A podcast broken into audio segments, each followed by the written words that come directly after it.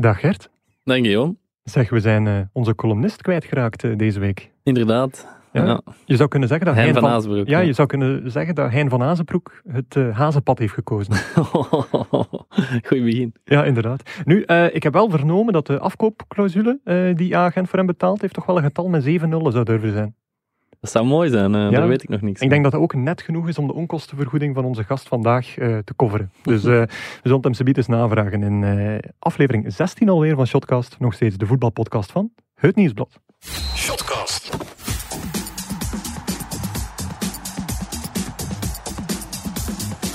Dag Joris Brijs. Hey. Ben jij een dure vogel?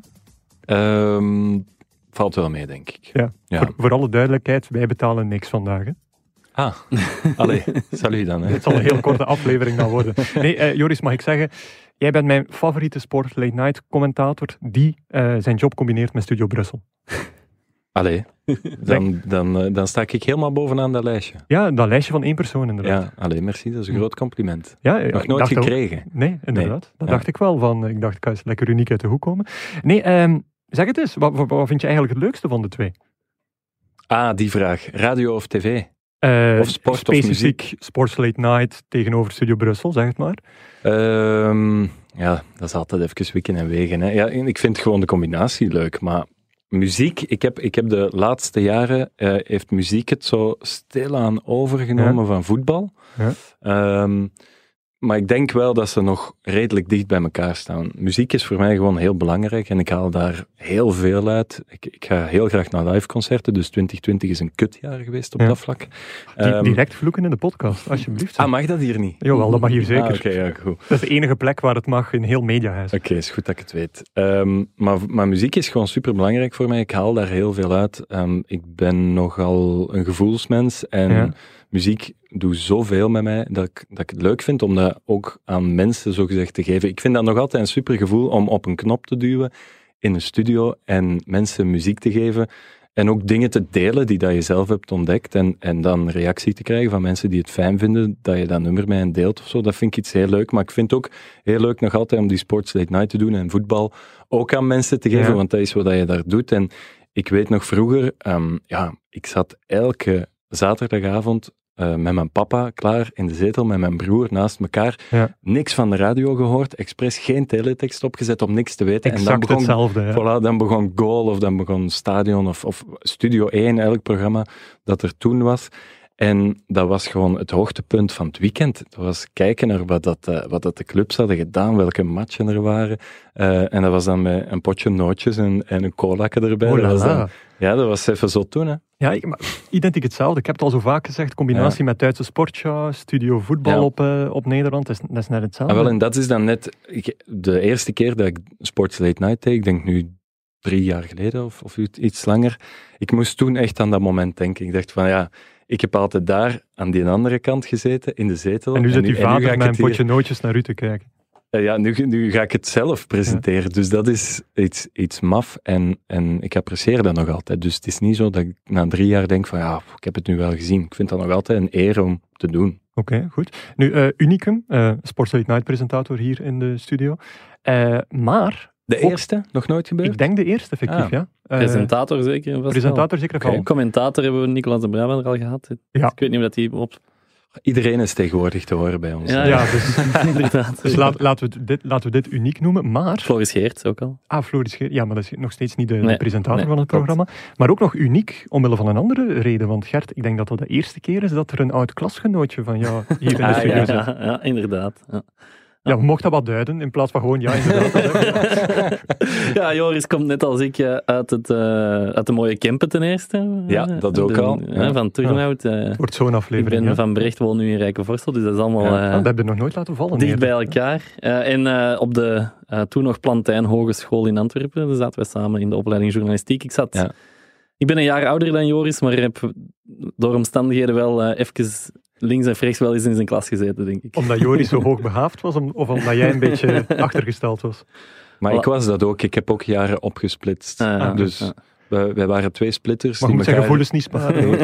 Nee, nee, maar eh, journalisten die het in vier jaar doen in plaats van drie jaar, zijn meestal de beste. Ah, Ja. ik, zal, ik zal dat opschrijven. Ik, Ja. zal, ik, ik zal ik in mijn eigen carrière proberen nagaan dan en zien waar dat is misgelopen. Eh, nee, eh, Joris, volgens mij, wink wink, nudge nudge, ben jij ook wel een eh, warme mens. Als je begrijpt waar ik naartoe wil. Eh, de warmste week? Eh, ja, dat zou wel eens Ja. kunnen. Ja. Want Ja, vorig jaar voor de eerste keer gedaan en nu voor de tweede keer. Nu voor de tweede keer, maar wel helemaal anders.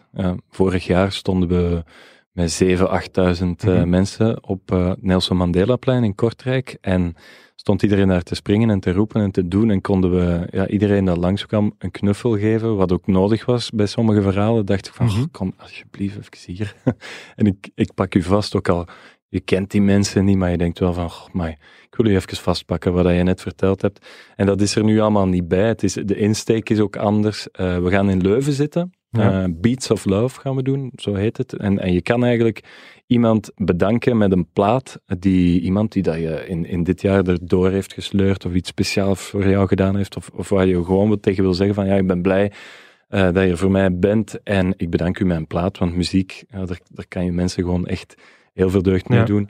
Ehm, dus je kan je Beats of Love kiezen en dan eh, spelen wij die voor al die mensen. Maar we gaan ook in- op twintig eh, warme plekken dan Mhm. in Leuven zitten. Eh, zelfs de voetbalkantine van KVC Kesselo zit erbij, want ook Zelfs daar de is... voetbalkantine van Kesselo. Ja, Ja, Gast- een keer getroffen Gasthuisbergen sector zit- eigenlijk. Tuurlijk. Ja. Die hebben al zo lang geen pinten meer kunnen Ja, is Dus, dus, Alles wordt hier wel uit de kast gehaald, zeg. ja, Het grote Kesselo. ja, van mij mogen die dat vat terug aansluiten als we komen. En nog zo'n goede kantinepint. Eh en tuttenfruitbollen, zoals vroeger. dat was ook zoiets van vroeger, hè. Wij noemden dat chiclette. Ja. Ah ja, hoe Ja. noemt jij dat? Ja, tittenfrietbal. Ja, zo, zo 16 in een pak en Ja, in, een halve minuut alles binnenrammen. Ehm, maar we gaan op al die plekken ja, ehm, uitzenden, een hele week lang, 24-7. En eh, mensen eh, gewoon, ja, mensen, andere mensen laten bedanken, maar ook vooral eh, heel veel verhalen horen, want we gaan ook naar Gasthuisberg, het ziekenhuis. Ja. daar gaan we de zotste verhalen kunnen rapen, denk ik. Eh, mensen in de zorg die, die komen vertellen hoe dat voor hun geweest is in 2020. En ik kan me voorstellen dat dat redelijk heftig was. Ja. Nu, even terug naar eh, de kantine en de perfecte pint. Ja. Eh, omschrijf die dan eens, want ik denk dat iedereen daar ook wel een andere definitie over heeft. Wat de perfecte pint is die Ze je moet zeggen hebben in twee een kantine. vingers, hè? Twee vingers, om Ja. te zien, zo, eh, tot daar moet dan het schuim komen. Ehm, maar voor mij maakt dat eigenlijk niet uit. als, het, als bier is dan. Bij mij in de kantine, ja, dat mag ook wel gerust een export uit de flesje zijn. Ah. Ah, Nee? nee. Nee. Een glas. Toch? Voor mij moet een glas De zijn. periode dat, het, eh, dat wij na een overwinning kwamen, dan een van de geblesseerden of die schorte spelers ging dan een plateau bier halen in de kantine. In het begin waren dat altijd glazen. Na een duur zeiden ze van ja, we- in de kleedkamer alleen maar bekertjes. En nu zijn dat zo van die bakken bier in de kleedkamer. Dat vind Ah, ik niet hetzelfde. Nee, dat is niet dezelfde sfeer. Ja, het moet ja. een plateau zijn. Ja. Ik ga wel iets oppichten. Ik was zo degene die de cola vroeg. Echt? Ja, ja. Ik kon, ik kon na Maar een je hebt match... ook wel op een hoger niveau gespeeld, dan denk ik. eh. Ja, maar dat was, dat was al op een iets lager Ah, niveau terug. Dat was in, in tweede of eerste provinciale toen. En ik vroeg altijd, van, ja, iedereen riep dan van, hey, plateau, ga plateau halen. Ja. Ik zeg, voor mij een cola. Omdat ik na een inspanning, ik snapte niet hoe dat die mannen een pint konden uitkappen na een inspanning. Ik, ik had een cola nodig Ja. of een ijstieke om zo even te hydrateren en even zo dorst ehm, weg te halen. En dan daarna, een half uur later in de kantine, kon ik zo wel eens een, eh, Ja, maar nee, een ja. pintje. Maar Elke ploeg heeft zijn, zijn, co- zijn colakken op de plateau. hè. Simpel is het. voilà, dat- ik was dat. Maar wel goed dat je woorden nog even wikte voordat dat je dat zei. Eh, nee, eh, die passionele liefde voor muziek die, die, die je nu al de afgelopen vijf minuten wat getoond hebt, is die hier ook nog voor voetbal? Of, of hoe uitzicht dat? Want ik heb zo het gevoel van, als ik Joris Brijs op tv zie, dat is een beetje de, de rustige vastheid van SLN. En wil dat dan ook zeggen dat dat, dat minder passioneel is? Ik weet het, het is minder, uitgelaten. Ja, maar dat is ook geen programma waar dat je uitgelaten kan zijn. Hè. Het, is, het is een programma waar dat je eigenlijk moet zeggen wie tegen wie speelde Ja. en wat dat er belangrijk was aan die match, om dan in te leiden. En als dat dan een topper is waar dat kampioenschap op het spel staat, dan ga je dat wel wat meer oppompen. Maar je zit daar alleen. Hè. Als er Ja. gasten bij zitten, dan kan je veel meer ehm, uit je passie spreken, bepaalde vragen stellen. Dus dit is een programma waarin dat, denk ik, eh, eh, noodzakelijk is om mensen op een rustige manier te vertellen wat, dat er, wat dat er op het spel stond of zo. Ehm, maar die passie, ja, die is er nog altijd. Die, vroeger was ik de persoon die teletext, pagina 500, om de vijf minuten refreshte Ja. om te kijken, oh, is er iets nieuws? En terecht. En, ja, en ik kende bijvoorbeeld van 504 504, dat waren de uitslagen. 505 505 stand, stand. 506 topschutter. topschutters. Ja, 503 programma, niet? Van de, van, eh, Ik, ik ging altijd van 500 naar 504 Ja. en 599 vaak voor de live-uitslagen. ah ja.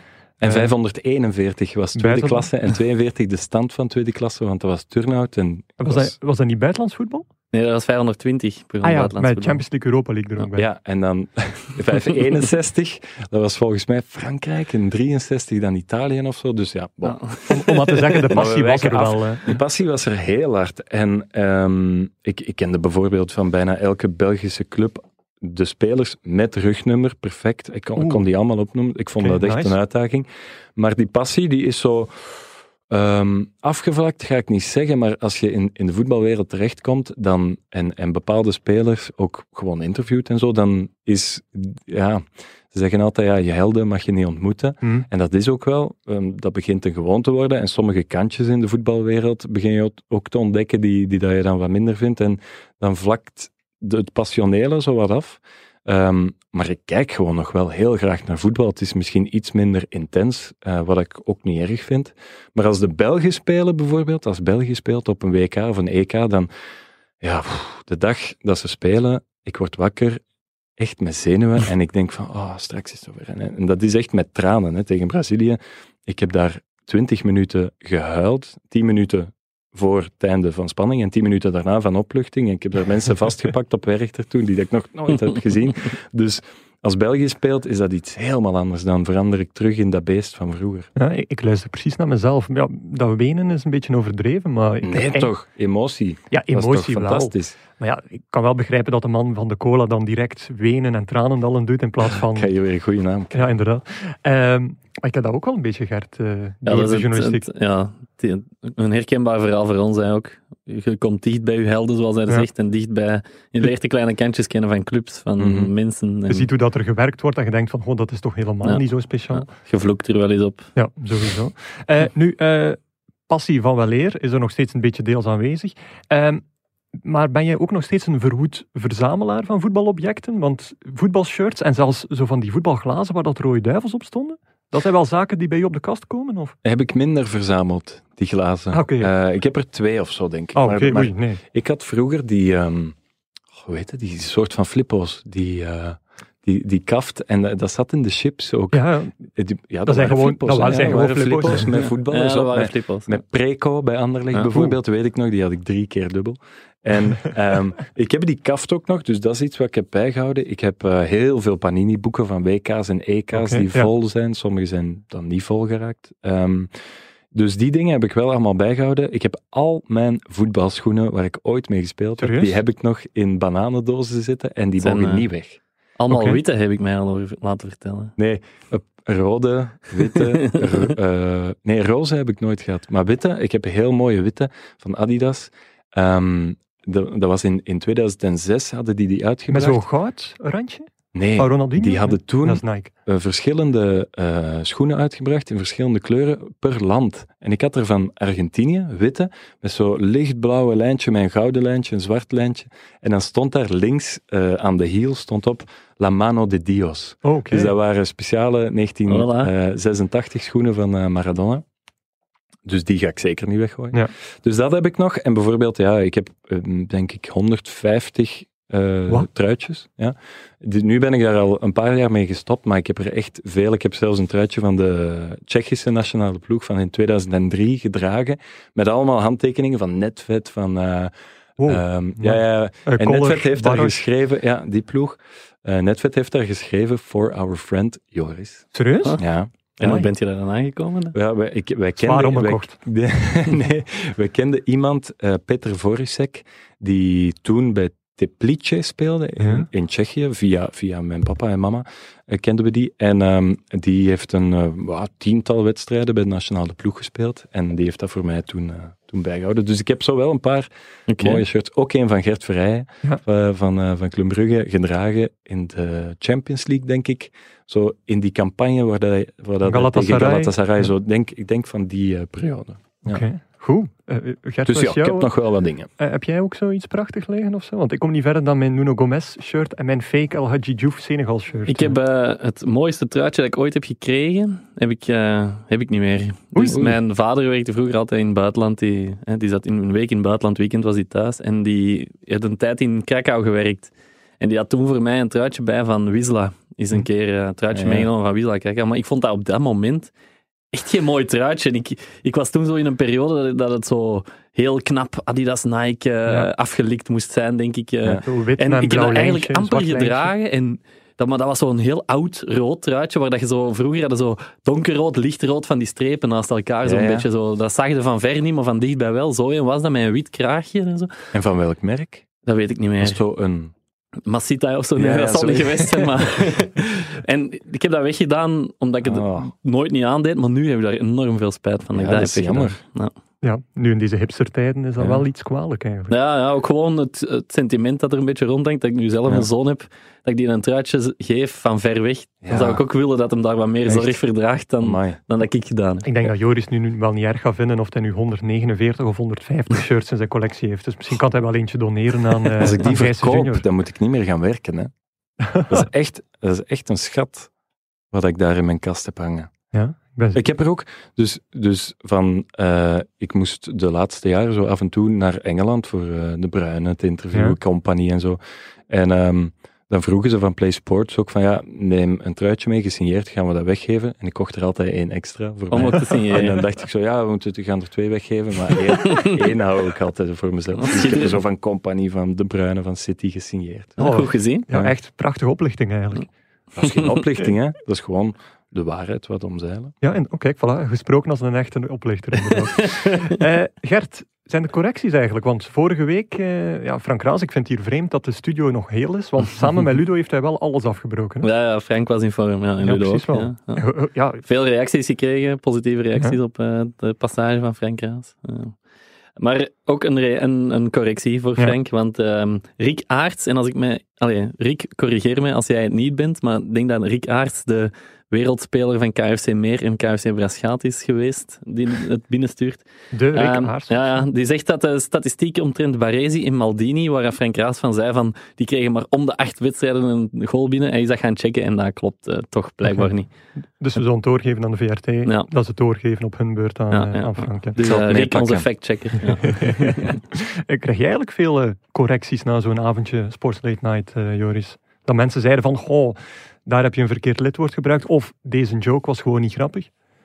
Ehm, Of complimentenmail, mag ook. Mm, Nee, ja, ik heb zo een paar keer zo iemand dat mailt en zegt van ik vind het fijn hoe rustig dat je, dat je het brengt. Voilà, en, kijk, en zo ik zei het op een aangename manier zeggen ze dat. Maar ook bijvoorbeeld met, met Bart eh, Raas Hm. en met Gilles de Koster. Ehm, Bart stuurt af en toe wel eens van ja, dat klopte niet. Dat was dan zo ja, één woordje dat dan fout stond in een zin waar ik dan zelf denk van ah, ja, tuurlijk, maar dat, dat kwam er dan uit. Ja. Of dat was te snel getypt of zo. Dus dat doen we wel. En ehm, mijn mama, die kijkt altijd, altijd, en heel vaak eh, spoelt ze de samenvattingen door, om gewoon zo de stukken te zien waar, ik, eh, waar ik in beeld ben. En die stuurt altijd vijf minuten na de uitzending, goed gedaan Joske. En dan zo, één verspreking, Joske? jammer. Ja, ja, mijn mama noemt mij Joske. En dan zegt één verspreking, wel jammer. Ik zei, ik Toen zei- mij- maar dat is, ik, ik, ik dacht dat ik daar net naar mezelf aan het luisteren was. En, en nu ben ik zelfs naar mezelf aan het kijken, denk ik. Want mijn ma, ik, je, kan, je kunt er gif op innemen. Straks om vijf uur is er een analyse van een volledige alinea, twee alinea's, die ze via WhatsApp doorstuurt. En die analyse is altijd toch wel een klein beetje kleiner als het een aflevering is waar dat ik zelf niet in zit. Dus echt constant die analyse. En Wij krijgen die dan ook altijd door, Lars en ik. eh, de analyse van En- Ma Mabe. Zijn het goede analyses? eh, ja, het is wel ja, redelijk straightforward. Ze, Ja. ze neemt Ja, geen ja. blad voor de mond. eh. Ze Maar- durft ons ook schofferen soms. Ja, gewoon. dat is goed, hè? Maar dat mag. Dat moet. Het is, het is een leerkracht voor iets natuurlijk. Ah, leerkrachten, ja. ja, die, Ja. Maar die- toen ik je net over Ma Brijs hoorde praten, Ja. eh, dat moest ik ook aan Ma Mabe denken. Ja, wel, maar Ja. eigenlijk Shotcast heeft voor haar een beetje afgedaan, want nu onze hoofdredactrice, Lisbeth van Impen, De Slimste Mens zit, krijg ik ook na elke Slimste Mens aflevering een analyse over de prestatie van Lisbeth. En aangezien Lisbeth erin blijft en nog een grote kans maakt om het te winnen, Ja. ehm, ja, krijg ik zo berichtjes van, wil je Lisbeth melden dat... eh, En jij stuurt dat door ook naar... dat heb ik nog niet gedaan. Dat heb ik nog niet gedaan. Nee. Maar ze stuurt wel berichten van, eh, ja, ik ben zo trots op Lisbeth. En kun je eens haar e-mailadres geven, want ik zou haar persoonlijk willen feliciteren. Ja, het is gewoon naam, eh, voornaam.naam.nieuwsblad.be voor ons allemaal. Dus ehm, ja, ik wil ook niet zorgen dat mijn Nee. ma mijn bazin gaat stalken. Dat zou Ja. raar zijn. Ik heb ooit eens gehad, een paar maanden geleden. ehm, mijn ma kijkt soms ook eens naar de webcam op eh Stubru, hè, als ik aan het presenteren ben. Joske, Er- knip je haar. ja, maar er kwam iemand binnen op dat moment en eh, vijf minuten later eh, stuurde mijn ma wie was die knappe man. en dat was Jan van Biezen, de baas van Stubru. Ik zeg, ja, dat is Jan van Biezen, maar daar moet afblijven. dus, maar mijn ma is zo, de- ik vind dat zo lief dat hij alles kijkt en hoort en die is gewoon super trots. En Dat is waar. Ik, dat, ik vind dat super mooi. We gaan nog goed overeenkomen, denk ik. eh, we gaan hier over voetbal beginnen praten. Hè. Eh, niet vooraleer we onze goede vrienden van Biewen, exclusive betting partner van Jubilee Pro League, even een eh, shout-out toewerpen. De mannen die steunen ons nog steeds.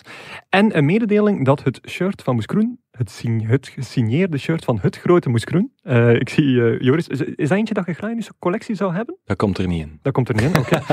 Nee, Ik vind het geen mooi. Ik vind het geen mooi nee, shirt. Het is waar, ja. Nee. nee. het, was, eh, het was niet een geweldig shirt. Maar er zijn wel mensen die gereageerd hebben op de prijsvraag vorige week. En ene Christophe Comijnen, die wist het nummer van Moby te koppelen aan FIFA 2001 en mag het shirt in de bus verwachten. We gaan gewoon doorgaan. Hè. Wat hebben jullie afgelopen weekend gezien of gedaan? Onze eerste rubriek, Joris, zeg jij het eens. Jij hebt eh, toevallig zaterdagavond ergens in de studio gezeten en gepresenteerd. Ja, drie matchen waren het. Ehm, en gekeken. is En weinig minder eigenlijk. dan vorig jaar. Hè. Uw werkdagen zijn korter geworden. Ja, hè. ja. Ah, wel, maar ik kijk dan altijd En- op de dag zelf, zo zijn er drie of vier. Ja. Ehm, En wat En ik dan- je eigenlijk ook wilde vragen. ja. Wilt er niemand op vrijdag werken bij jullie? Van de presentatoren? ja, Gert, ik weet dat eigenlijk niet hoe dat, ik weet dat eigenlijk niet hoe dat, dat komt. Nee. Nee, want hij Ik- dus ik op, denk- dit, ja, sinds dit seizoen geen het, samenvattingen Ja. meer van de vrijdagwedstrijd. Ik, ik denk dat dat dan beslissingen zijn van bovenaf, maar echt geen idee Ja. waarom, waarom dat eigenlijk is. Want er Ik zijn vind het wel jammer. meerdere. Ah, ja. Maar tuurlijk. Ik Zeg, nu pijlen zitten wel klaar om te schieten, precies. Hè? Hallo? Ja, maar ja, we hebben samen gestudeerd, hè, mag dat. Oké. Maar ik, ehm, er, zijn, er zijn wel meerdere vreemde beslissingen geweest. Hè. In het begin ook, we wisten niet waar het terecht ging komen. Dat zal er ook mee te maken hebben, denk ik, dat bepaalde zenders die nog in de, in de running waren, ehm, ja, dan plots het toch hebben of niet hebben. En dan Mhm. budgetten en zo, dat, dat heeft daar allemaal mee te Ja. maken, denk ik. En hoeveel uitzendingen je dan kan doen. Maar geen, geen idee, ik durf er ook niet te veel over te zeggen, Nee. omdat ik het gewoon niet weet. Eh, Maar dus nu, zaterdag, Ja. drie matchen. Is dat dan een chille dag voor u? Kijkt u dan ook naar alle matchen live? Zodat je toch zeker ja, mee die, bent? Of? die, die staan op. Hè. En, Ja. en ik ben dan bezig met... Om hoe eh, laat kom je toe op de redactie? Dan, eh, Eh, vijf uur, half zes. zoiets. dan heb je al een begin gemist hè, van Ja, match. maar ik kan thuis ook kijken. Ah, oké. Ja, ja, ja. en in de auto ook zeker. Luisteren. Ja. Ja. Ja, ja, absoluut. Nee, nee, oké man. Nee. En dan, en dan begin ik eigenlijk ja, gewoon rustig ehm, ja, met, met de headlines om, om even te duiden wat dat er allemaal gaat gebeuren in het programma. En, en dan de opstelling en we overleggen dan eh, met de eindredacteur wie speelt er, wie niet, wie is er vorige keer, eh, wie was er vorige keer niet bij, wie nu wel. Ehm, en dan begint dat en dan kijk ik, maar soms is het moeilijk om te kijken omdat je wel veel eigenlijk moet, moet typen gewoon. Het, is, Ja. het zijn De wel teksten, veel dingen, ja. ja. De teksten, het is best veel, dus je kan niet altijd 90 minuten gewoon achteroverleunen en kijken. Ehm, maar bijvoorbeeld dit weekend, ja, ik heb wel eens een, een, eh, grote stukken van, eh, van Club gezien tegen Mhm. STVV. Ehm, en ja, ik, ik vind Noah Lang... Ja. eh, Ja, maar, ja, maar la- laat maar. Noah Lang is uw MV van de week, maar dat fixen we wel. Ah ja, Ik was ben hier voor mijn- doen, Ik ben hier voor mijn Ja, beurt aan het eigenlijk wel, spreken, ja. zeg. Gert, ja. Gert begon hier al wat te dansen. Maar misschien moeten we effectief een stukje actueel voetbal ertussen gooien, want anders zijn we Ja, wel veel bezig. Dus- Inderdaad. maar eh, uw betrapt gezicht mag omgetoverd worden in een analyserend Noah Lang. De MV van de week. Ehm, ja, ik, ik, eh, ik heb het daar wel heel hard voor, voor Noah Lang. Eh, ik vind zo... Ik heb, ik heb stukken gezien tegen STVV, maar ja, ook tegen, tegen Zenit was die, was die weer heel goed. Hoe, dat hij die goal maakt, vind ik ook wel van klasse getuigen. Hoe dat hij die binnentrapt, zo... Ja, het is, het is maar een klein gaatje eigenlijk. Hè. En ik vind, bij, aan Noah Lang vind ik heel straf. En dat, is, dat hebben Dennis en eh Diatta minder. Dennis veel minder, vind ik. Dennis weet niet wat hij gaat doen vijf seconden later. Die, Ja. die zit met zijn hoofd in de grond. Die kijkt, eh, bijvoorbeeld die, die assist eh, op Noah Lang, denk ik, tegen Zenit. Ja. Ik, durf ervoor te wedden, die wist niet waar die bal naartoe ging. Hè. Zijn goals op Real. Ja, voilà. Ja, exact. Inderdaad. Perfecte voorbeeld. En bij, bij Lang heb ik het gevoel van, die heeft echt het inzicht en die heeft die dribbel, die heeft die technische vaardigheden, dat die ook weet wat dat de volgende stap is en die daarna ook. Ja. En ik zie die heel graag spelen. Ik hoor hem iets minder graag babbelen. Het is zo de Rotterdams. En ja, dat is zo... Doe dat nog eens. Rotterdam? Rotterdam. Is dat niet zo waar, Rotterdam? Ja, ik, eh, ik ben geen kenner, maar, nee, eh, ik maar ik weet- ken wel... ook de, de dialecten in Nederland. eh. Ja, het, is, het is echt een vreselijk accent. Ehm, maar ja, voetballers moeten, moeten voetballen en niet praten. En ik vind dat een hele goede voetballer en, en een super aanwinst voor, eh, voor Club Brugge. Ik, ik ben het wel eens met Noah Lang over het feit dat dat een, een afgewerkt product is. Namelijk, je ziet dat dat iemand is die heel lang een zeer fijn besnaarde opleiding heeft gehad. Je ziet, Maar ik vraag mij wel af. hij, hij doet, mag ik eerst uitspreken, meneer Heijs? Oké, dank u. Ehm, je ziet dat hij echt wel technisch, dat is allemaal in orde. Weet hoe dat hij een pas moet geven, weet hoe dat hij eh, versnelling moet aangaan. Tak, tak, tak, dat is allemaal goed. Alleen gaat hij nog die stap zetten. Gaat hij dat kunnen omtoveren naar permanent elke wedstrijd presteren, wat bij Ajax het, probleem was. En gaat hij ook dat geduld kunnen hebben. Want er worden heel veel van dat soort eh, jonge spelers op die manier opgeleid. Maar kan hij het nog naar een hoger niveau brengen en kan hij dat vooral constant doen? Gert nu. Ja, ik vraag mij af, een beetje in dezelfde lijn, waarom dat ze daar bij Ajax eigenlijk niet echt van wakker lagen dat, Ja. hij, dat hij vertrok. Ja, het is... Ja, Maar hij heeft daar ook niet zoveel kansen gekregen. Hè? Ja, maar hoe komt dat dan? Hè? Ja. Iemand die daar al jaren rondloopt. eh, Ajax is toch de club van kansen geven, eigenlijk? Ja, ik weet het, maar, maar ik, ik denk dat iemand die net niet goed genoeg is voor Ajax, het Ajax van nu, de laatste jaren, dat die wel voor Club Brugge een serieuze meerwaarde Ja, kan Kijk betekenen. Dus, Stefano Denswell bijvoorbeeld. ja, Die was ja, al wat ouder tuurlijk. natuurlijk, maar... En maar maar ja, de realiteit is, eh, een Frenkie de Jong of, of zoiets, dat is, dat is gewoon, dat is nog twee Ja. trappen hoger. Ja, en, en die gaan natuurlijk niet naar Brugge komen, maar een, een Lang die dan misschien net niet de basis haalt bij Ajax of niet goed genoeg is, ja, die is wel goed genoeg voor Brugge, want het verschil met Nederlands voetbal is denk ik niet super groot, maar wel met Ajax. Ben je, nog Ajax zo is van nog die, wel... ben je nog van die traditionele school? Want eigenlijk club, ja, die zullen daar zelf ook wel realistisch over zijn, maar die willen eigenlijk wel heel graag en heel snel met één adem met Ajax genoemd worden. Ja, maar dat is toch nog. eh, Ajax. Ik zie, ik zie Club of een andere Belgische ploeg de komende drie jaar geen halve finale Champions League halen. Nee. Of de komende vijf jaar. Maar zie je Ajax dan nog doen nu dat Van de Beek weg is, De Licht weg is, De Jong weg is, Waar Ziyech weg is? misschien niet dit jaar of volgend jaar, maar die hebben wel bepaalde voetballers klaarzitten, denk ik. Waar, waar dat het soms nog eens kan gebeuren. En ik zie dat bij een Belgische club niet soms gebeuren. Ja. Ik zie dat eigenlijk nooit gebeuren. Nee, ça va, goed. Eh, morgen, Champions League. En ik heb het gevoel, het, het leeft niet echt. Toen Agent bijvoorbeeld die tweede ronde kon halen, de knock-outfase, toen was dat echt wel... eh, ja, alles stond stil bijna. En nu, natuurlijk, is er wel animo voor. Maar omdat er zo weinig sfeer hangt rond het voetbal op dit moment, valt dat toch wat in een, in een, in een wak, Gert, of niet? Ja, misschien wel, maar misschien zeg je dat ook vanuit uw eigen beleving een Ja, beetje. ja, tuurlijk. Ja. Het Omdat is je al- toen Gent volgde, denk ik, of niet? eh? Eh, nee. Ah, oké. ja. Nee, dan klopt het niet, mijn theorie. Nee, maar ik heb wel het gevoel dat het wel een, eh, een groot moment is voor de club eigenlijk. Allee, ik, Het, het Ja. is, het is feitelijk een groot moment, maar het voelt niet aan als, als het grootste moment in zes jaar Belgisch clubvoetbal. ik weet niet, hoe denk jij daarover? Ik, ik had ook niet het gevoel dat dat bij Gent wel het geval was. Oké. Ehm, als ik aan Gent denk en beleving en hoe iets eh, leefde, dan was, het, dat was de titel van Gent. Ah ja, dat, dat was zoiets waar er toch zelfs mensen die, die Ik dacht dat er een heel grote belediging ging komen. Van als ik denk aan Gent en beleving, dat je Nee, dat iets nee, heel nee, nee, absoluut ging zeggen. Ik, ik ga het hier beleefd houden, heb ik beslist. Ehm, ja, dan, dan, toen waren zelfs mensen die, die totaal geen supporter zijn van Gent er wel mee bezig. Ik weet dat ik toen ben gaan kijken, omdat ik dacht, daar wil ik bij zijn. Ehm, en, nu, en, en nu dit van, van, eh, van club, ja, ik denk dat dat toch ook wel iets met corona te maken heeft.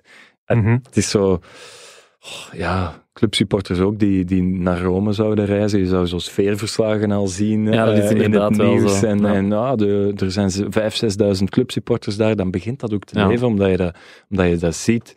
De, eh, ik, ik vind ik altijd de mooiste beelden, zo supporters van een club die een Ja. andere stad veroveren op een plein. Zo. Ik vind dat fantastisch. En, en je, krijgt dat nu allemaal niet mee, dus die beleving is sowieso ja, wat minder. Ja, nee, dat is waar. Ja. Nu, eh, nu dat je over corona begint, we, we waren eigenlijk al in de voorbereiding op zoek naar het, het ideale bruggetje. Wanneer gaan we die bom droppen?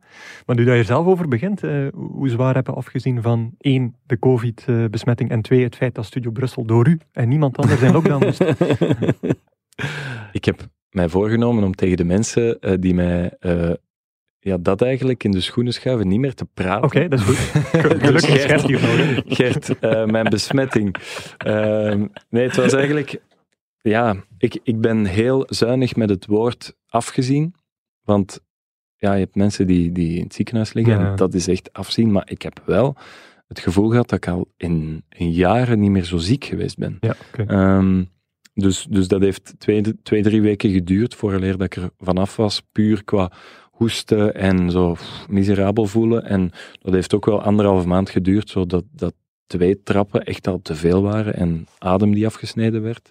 Dus het heeft wel eh, iets achtergelaten. Ehm, maar nu, nu, nu gaat het goed en ik ben terug aan het sporten. Ik heb nu vorige Ja. week ook bij, bij een, eh, een eh, dokter die bij Beerschot eh, lang gewerkt heeft, een, een test laten doen, even Ja. op de fiets gezeten om te zien of het hart goed is. Want Uh-huh. ze, hebben, ze hebben ontdekt dat het een ontsteking op je hartspier zou kunnen geven en, en dan hartstilstand in het ergste geval als je iets, iets fysiek zwaar doet. Maar alles was in orde, dus dat is eigenlijk wel, dat ligt echt achter mij, dat is vergeten. Ehm, Uw fijn is was ook nog oké en dergelijke. Ja, die wordt beter en beter terug. Oké, Ja. goed. Want je bent wel een sportief type, hè? want eh, ik denk dat Gert zelfs een, eh, een verhaal heeft over het feit dat je nog redelijk, op een redelijk hoog niveau jeugdvoetbal hebt afgewerkt. Maar jeugd en bij de belofte van Turnhout gespeeld. ja, zeker? denk dat ik daar toen- wel eens heb bezig gezien, want eh, een vriend van mij speelde, Jonas Jansen, eh, speelde toen ja. bij u. Ja, ja, ja, dus juist. ehm, ja. en ik ging er wel eens regelmatig naar kijken, dus ik moet zijn witte schoenen wel eens gezien hebben voor ik hem kende. Toen waren het rode. Ah, Oké. Ja, ja, het waren die rode.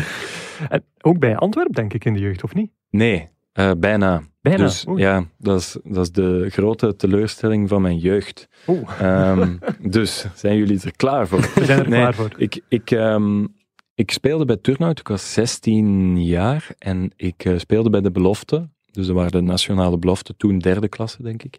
En ehm, ik mocht gaan testen bij Antwerpen. Ja. En dat was in de periode dat Warren Joyce daar was, Oeh, van Manchester United.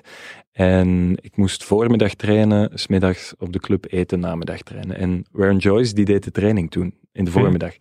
En dat was ook met de belofte, een mix een beetje. Kenny Steppen stond toen eh, in doel bij, mij, bij de ploeg waar ik toen eh, in, in wedstrijdvorm bij Ook als stond. tester dan? Nee, die heeft er gespeeld in de jeugd. Ah, oké, Oh, als ja. jeugdspeler. Ja, jeugd, ja, ja, ja. Ja. Dus belofte, Ja, bij de ja, belofte ja. zat hij toen.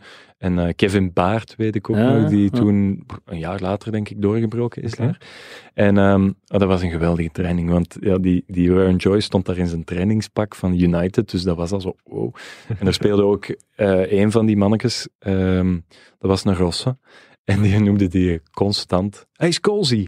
Dus dat was, dus dat was zo, ik had daar een heel tof gevoel. De Kenny Step, ik weet nog, die rolt de bal uit naar mij. Ik draai open en ik zie geen enkel mogelijkheid om aan te spelen. Dus ik dacht, ik ga trappen en die vliegt er los in de naak. Dus ik dacht, oh, goed bezig hier. en dan in de namiddag weet ik dat er zo een paar... ehm, ja, ik, ik was van eh, Ben van de Kempen en toen, um, ik speelde ja, in Turnhout vooral bij mijn vrienden op een redelijk niveau. Maar dat was allemaal heel gemoedelijk. En daar ging het wel om de knikkers. En ik heb daar van twee, drie ehm, ploeggenoten van, van Antwerpen tikken op mijn enkels gehad. En Ja. die kwamen in mijn oor fluisteren. Ga komt er niet in, hè. Oei. Ja, en ik dacht van, oh, wat is dat? Ga heb- er niet. Ga komt er niet, een gast zo op die manier, ja. En ik dacht zo, ah, shit. 16-jarige gastjes ook. Ja, ja, ja, ja, maar ja, die, die- dat waren mannen van de stad. Hè. Ik, ik kwam van de boeren buiten en dat Ja. is toch een verschil. Dat maakt indruk. Ik was nog niet, ah, ik had nog niet genoeg vertrouwen. En, en, En wat was uw positie? Ehm, ja, toen, ja, toen centraal middenveld. Oké, dus dat is wel een middenveld. positie waar, Ja, waar dat haantjes spits, ook zo, kunnen ja. rondlopen. Ja. Het is dat. En dan ben ik thuisgekomen en ik weet dat mijn papa toen zei van, en hoe was het? Ik zeg, "Goh, ja goed, maar ik ga het niet doen. Zo. Als ze mij vragen, ik ga het niet doen. Dat, dat, is, dat is veel te, veel te hard en dit en dat. En, en toen hebben, die, hebben ze nog vier of vijf keer terug naar mijn papa gebeld en zeggen, hij mag direct komen, hij mag aansluiten bij de belofte. Ja. Ik was toen 16. En heel vaak denk ik nog, Wat if? ja, ik ga nooit, ik ga nooit ja, absolute top gespeeld hebben, maar al was het om zo eens één keer ooit in te vallen op de bosuil of zo voor, Ja. voor eh, 11, 12.000 man. Maar ik ben wel content met hoe dat gelopen is, dus ook geen grote spijt, maar toch denk ik soms, oh, had ik toen maar de ballen Ja, om te zeggen, mannetjes, een maand en ik ben één van jullie. oké. Dus is- In de, dus, en in plaats van Antwerpen is het dan Merksplas geworden? ja, dat klinkt nu wel heel erg. Oh, maar nee, nee, Berchem Sport nog twee jaar. Ja, dat is Ah, twee ja. jaar Berchem Sport, Ook niet twee slecht. jaar geblesseerd geweest bijna. En dan Merksplas, eerste provinciale. En dan ben ik naar eh White Star Schorvoort gegaan, tweede provinciale en eerste provinciale. Ook vier, vijf jaar nog. Echt met mijn vrienden gevoetbald en dan gestopt. Oké. En de Joy had geen leuke bijnaam voor, voor u eh, op dat moment? Nee. Misschien was dat wel het teken. Ja. Dat kan het wel zijn. Dat kan het wel zijn. Nee, eh, over wat gaan we het nog eens hebben? Eh, gaan we dan maar... zeker? Ah ja, goed. Ah, en ik weet trouwens nog Ah, dat ik zeg maar. zeg tijdens maar. de middag naast Gunther Verjans zat. En ik Oh. vond dat echt ongelooflijk. ik weet dat nog. Dat was, dat is Gunther Verjans, die heeft bij Club Brugge gespeeld. Ik vond dat...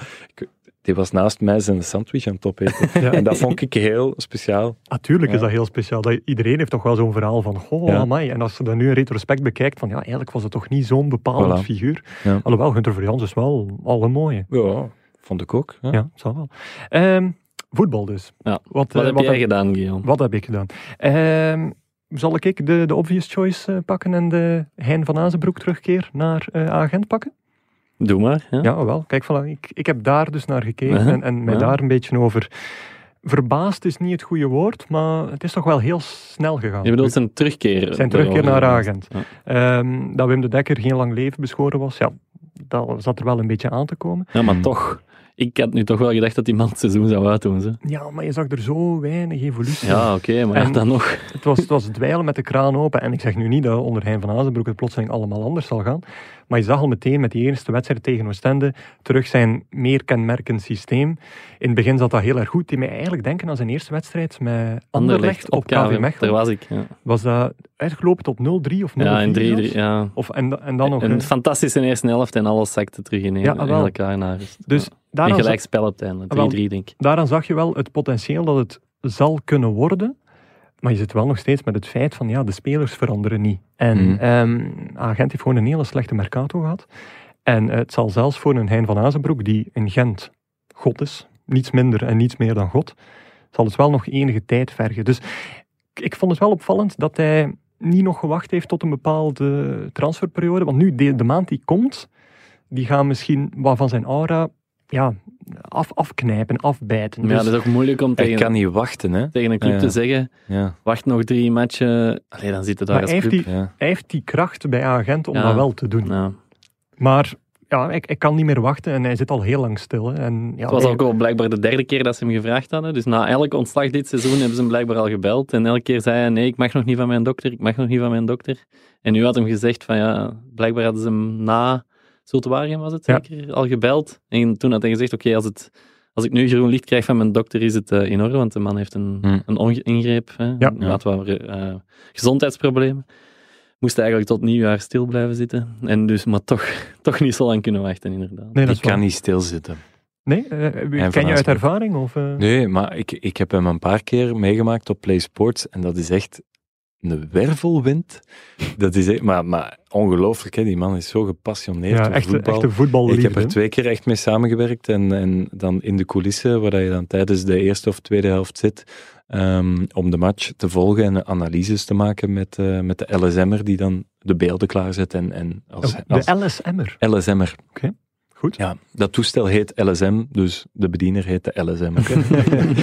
en, ehm, en, en Hein, dat is echt, dat blijft komen. Hè. Dat is echt van, ja, we gaan dat doen en we gaan dat doen. En dat is goed, houd dat bij. En door zo te luisteren naar hoe dat die naar een match kijkt, dan denk ik, oh, maar ik ken weinig van voetbal.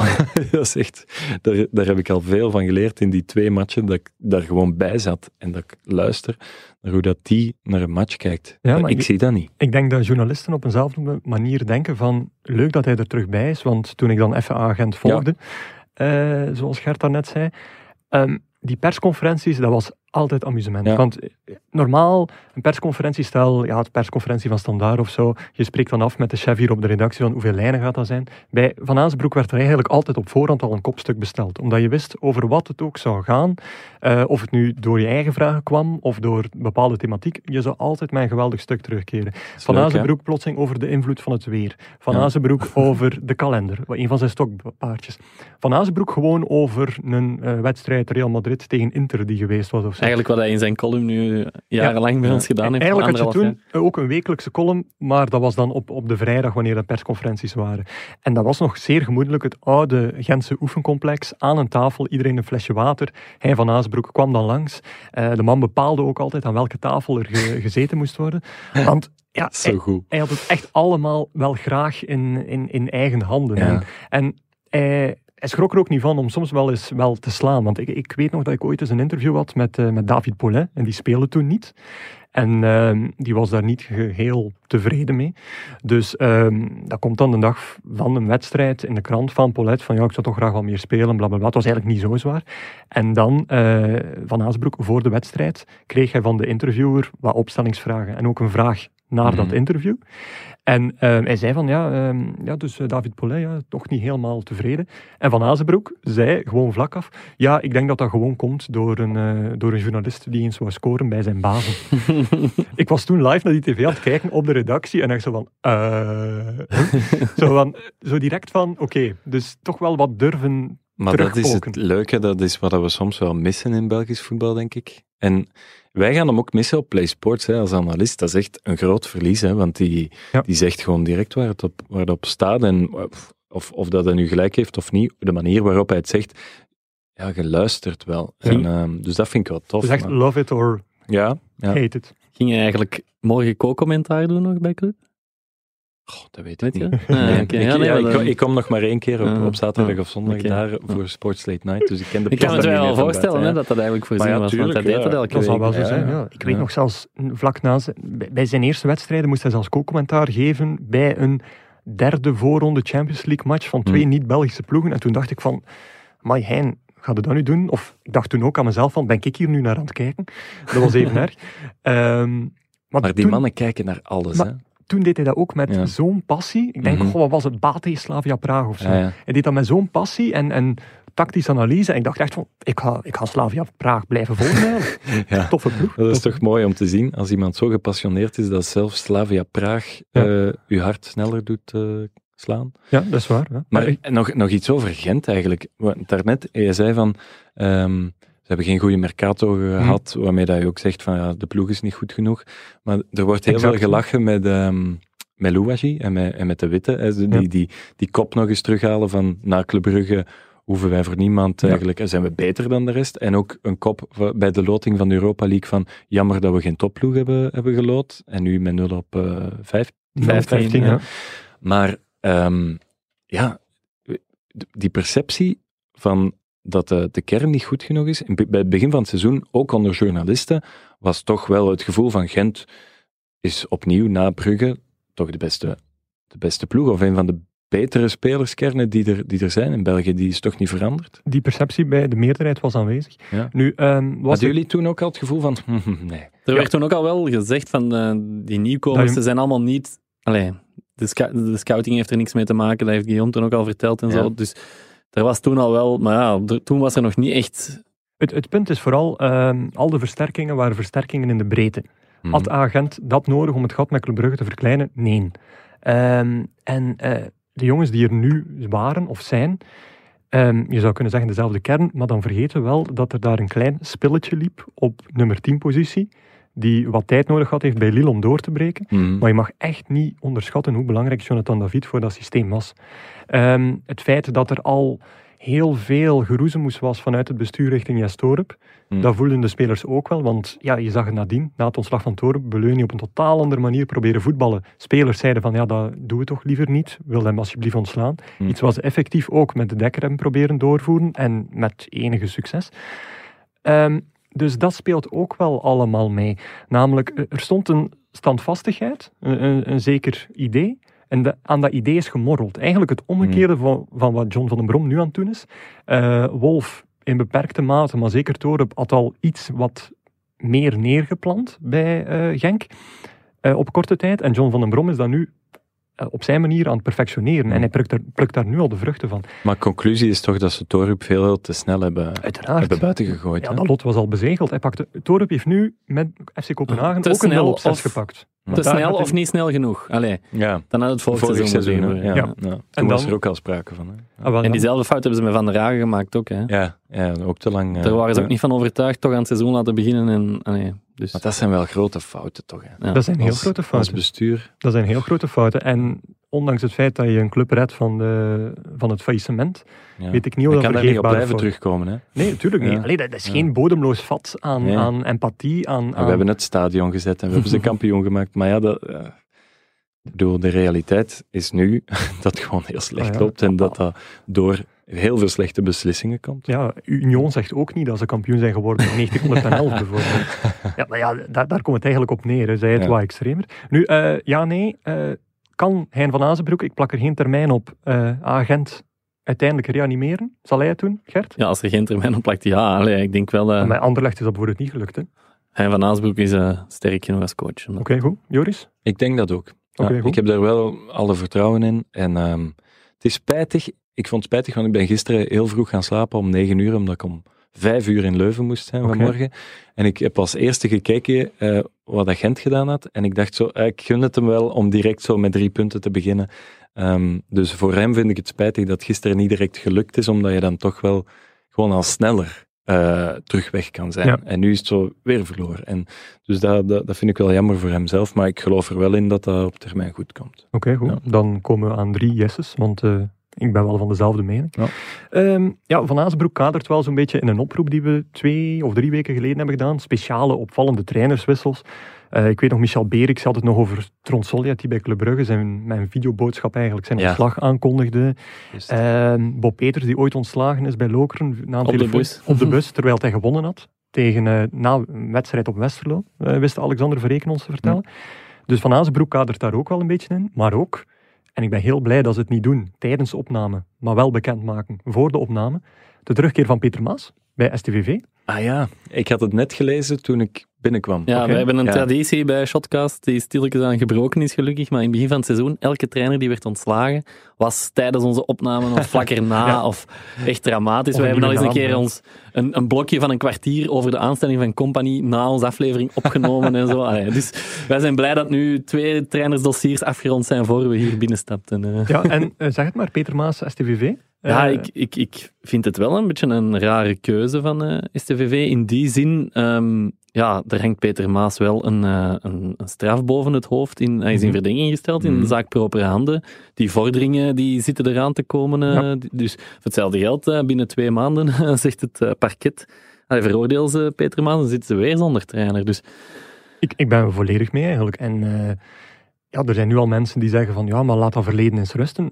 Nee, net niet, denk ik. Want het- de zaak is volledig lopende. Dus je moet dat wel op zijn Ja. minst toch benadrukken. Dat, dat mensen zoals Peter Maas wel nog zichtbaar... allee, net zoals Moji Bayat zichtbaar in de schijnwerpers lopen van een gerechtelijke straf. wat ik mij afvraag is, in hoeverre zijn die Japanners eigenlijk op de hoogte daarvan? Ja, nee, maar echt. Want toch een? Japanner, Eh. een Japanner dat, is toch, eh, dat zijn toch mensen die heel straightforward, volgens de regels, alles, Ja. allee, volgens het boekje doen. En zwart geld zal daar niet eh, in passen, hè, in Dat is die een beetje clichématig denken. Ja, maar ik vraag mij echt, echt af in hoeverre dat, dat de Japanners het verleden van Peter Maas kennen. eh. Ik denk dat de Japanners Peter Maas gewoon niet kennen. Ja. En, en, maar, ik maar, denk niet dat die de beslissing hebben nee, genomen. nee, dat zal niet. Die zullen Allee, niet wel- hebben gezegd, we pakken Peter Maas. Maar ja, dat moet er toch bij verteld Ja, zijn, toch, hè? eh, zou ik dan denken. En dan zou ik ook denken van, goh, gaan we dat wel doen? Dan zullen we niet eerst Ah ja, als je afwachten nu- wat dat wordt. En, In een Ja. land zijn waar je, waar je de, de voetbalmarkt niet zo goed kent, maar je, je stelt er wel mensen aan. Mhm. En dan gaat er Mhm. iemand die je niet zo goed kent, maar wel dat aspect erbij zit. Ja. Ik zou direct zeggen, goh, die mag zo goed eh, presteren we- als hij wil. we zullen Maar dat hangt nog boven zijn Ja. hoofd, dan gaan we het even niet doen. Nee. Eh, Nee. Ik heb nog op Sports Late Night gezegd van dat eh, Bernd Hollerbach trainer zou worden. Ja. Dus ik ben blij dat ik zou. ja, maar dat was toen ook de... Dat was toen de verwachting. hè. Ja, Ja. absoluut. Ook een rare keuze, hè, als dat had eh, doorgegaan. Ja.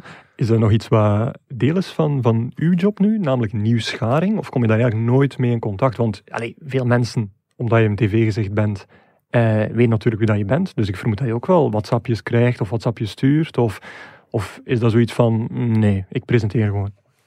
Ja, ik, ik lees, hè. Ik lees... Maar dat kan iedereen, hè? Sport. ja.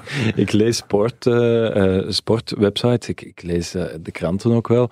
Ehm, maar het is wel zo dat als we in het weekend toekomen, we, we krijgen ook wel een, een, ja, een voorbereid schema waar wat, wat feiten in staan en zo. Hannes, ik heb een, stem, een stemknobbel, denk ik. Ah, ja, mijn stem schiet soms weg, dus ik moet naar de dokter. Het is al de vierde. Jullie hebben dat nog niet gehoord, maar het is al de vierde. Nee, je dus een professional. Jij, Ja, voelt dat zelf. Wij Ja, hebben, ik voel wij hebben dat, nog maar dat is niet 80 goed. afleveringen van een podcast, Ah, ja, maar wij, voilà. wij weten echt niets van audio design. Stemknobbels zijn echt niet oké. Oké. Ehm, dus, dus we krijgen wel die, die voorbereiding, wat het, wat het makkelijker maakt om daar eh, gewoon dingen uit te pikken dan, dan alles te lezen. Ook omdat als ik drie jaar geleden ehm, gewoon in de week ook bij PlaySport zat, had ik wel de tijd om al die dingen te lezen. Maar nu ben ik eigenlijk al fulltime van maandag tot vrijdag op Studio Brussel bezig. Ehm, dat dat iets moeilijker is om, om elke dag zo ook alles te lezen en door te nemen. En, en daarom is Sports Late Night wel een, een programma wat er makkelijk bij past, omdat dat eigenlijk iets is wat je de dag zelf kan, kan maken. Terwijl als ik zaterdag of zondag eh, twee wedstrijden moet, moet doen of zo, ja, daar ben je in de week ook aan bezig qua voorbereiding, die spelers leren kennen. Ehm, dus dat, dat vergt dan meer werk. Ja. Dus, dus in principe, ik, ik lees veel, maar het is wel handig dat er ook nog zo'n document eh, op zaterdag komt met de, met de feiten, hoeveel punten daar verloren, of, Ja. of wie is er geblesseerd en hoe lang al en al die dingen. Oké, va. Gert, jij nog iets eh, van afgelopen weekend? Eh, ja, ik heb gisteren naar Genk-Antwerp gekeken, toch een beetje de, de wedstrijd van het weekend eigenlijk. En Mm, de, vooraf, vooraf had, eh, had John van den Brom gezegd eh, de strijd om het beste voetbal van België. Beetje overdreven, vind ik. Ik vind dat leuk als je dat kunt zeggen over Ja. je ploeg, maar hij wou toch wel deels gelijk. Ja. Genk. Maar ik heb niet dat gevoel bij Antwerpen. Eh, Ah, ja. En nu schoffeer ik de, onze Antwerp-luisteraars die in grote getalen luisteren, maar bo. Maar- Ehm, Zeven weken geleden waren die ook nog bezig met oh, was toch wel goed en kijk naar Leko, maar nu is Leko alleen maar top. Dus ja, inderdaad. Ja, Leko doet het daar dat, dat is gewoon de wind en die waait en die draait. Maar wat ik, wat ik eigenlijk opvallend vind, Genk speelt nu, staat aan de kop, is ineens terecht, ja, iedereen beschouwt ze als titelkandidaat, ook door het, het, la- het laten afweten van club al een beetje dit seizoen. Maar herinneren we ons nog hun start, ja, die, die eerste vier Zeker, wedstrijden. ja. Dat was, allee, toen gaven we toch geen, geen frank, om het eh, zo te zeggen, voor Genk. Ik vind dat wel heel opvallend wat voor metamorfose dat die hebben ondergaan. En ik vraag mij dan af, is dat dan echt, dit keer, was dat dan echt de schuld van Hannes Wolf? Allee, ik kan het mij niet inbeelden dat het alleen daaraan ligt, maar Ik denk dat het misschien eerder de schuld van de andere ploegen is. Want als je bijvoorbeeld kijkt naar... eh Club Brugge staat nu effectief tweede. Ja. Als je kijkt naar Club Brugge, hoeveel ja, punten... Genk heeft al vier keer verloren hè, dit seizoen. En hoeveel keer heeft Club Brugge al gelijk gespeeld? Ja, ja, dat weet ik niet van buiten. Ja, en Anderlecht heeft, heeft de meeste gelijke spelen in haar bestaan sinds 51. Het punt is gewoon, eh, het is zo dicht bij elkaar en iedereen heeft Mm. al zoveel verloren, ook omdat die kalender gewoon veel te druk is. En daar hebben Clément en, en Leco gewoon een punt. Ehm, ja, de competitie is, is, het is gewoon moeilijk om daar ook te blijven presteren op dit moment. Dus het is eigenlijk allee, in Genk hun voordeel dat ze geen Europees spelen Tuurlijk. eh, nu, op het moment. Tuurlijk, allee, ehm, dat is altijd zo de kip of het ei. Maar dat vlakt zich wel uit na nieuwjaar wellicht. Eh, ja, wel, het is altijd zo van, geeft Europa je een boost of maakt Europa je net moe? En eh, Europa geeft je ongetwijfeld een boost. Ja, als je, als je bent tegen Tottenham als Antwerp zijn, dan zijn de koning te rijk. Hmm. Dus dan, als je nadien een topper speelt, dat gevoel gaat gewoon door. Maar ja, er komt, je komt altijd tot een fysieke grens. En die fysieke grens is nu dichter dan ooit, omdat Ja. al die Europese wedstrijden, dat is niet Week meer om de twee weken, hè, dat is om de week nu. Hè. Dus eh, ik denk uitgezonderd één of twee keer. Dus eh, zoals Ja, maar dan was er een Interland tussen. Ah, wel, dat was de Ja. Interland dus. Maar er moet toch iets aan gebeuren aan die kalender, want ik vind die discussie zo jammer over, eh, over Europees voetbal en, en soms spelers paren of, eh, of met een B-ploeg spelen in Europa of zo die, die wedstrijd laten gaan, want dan denk ik van ja, je zit een heel jaar Ja. te shotten om bij die eerste drie te geraken of Europees ticket te halen en dan dat heel hard te vieren, om dan zo'n paar maanden later al dat werk weg te gooien omdat je spelers moet laten rusten. En ik snap het, hè, dus dat is niet de schuld van die clubs die zeggen van we gaan Europese matchen eh, wat laten schieten. Dat is de schuld van die kalender en dat dat allemaal veel te vol zit. En nu, ça va nog met corona, maar ik vind niks zo erg dan, een, eh, dan naar een stadion gaan voor een Europese match, waar, dat, waar dat je als supporter naar uitkijkt dat je club Europees speelt en dan merkt ja, Dus- dat ze het zo wat eh, aan de kant schuiven. Dat Dat- ja, dat is waar, maar de clubs hebben dan al de beloning gehad. Namelijk Ja, de centen. vetspot van Ja. de maar Champions ga- League. ja, misschien dit- ben ik dan te romantisch om te denken Sowieso. dat, ehm, Sowieso. dat veel het te daar niet romantisch alleen is om draait. Ja. Ik denk dat je het helemaal in het begin zei van een veel te gevoelige jongen. Ik vind dat niet negatief. Nee, nee. Nu, over de gevoeligheid gesproken, heel snel tussendoor. Maar klopt dat dat uw guilty pleasure hetzelfde is als die van eh, sociaal incapabele Michiel? Het is omdat ik er nu plotseling aan denk. En dat is? Perez. Belle? Perez? Nee.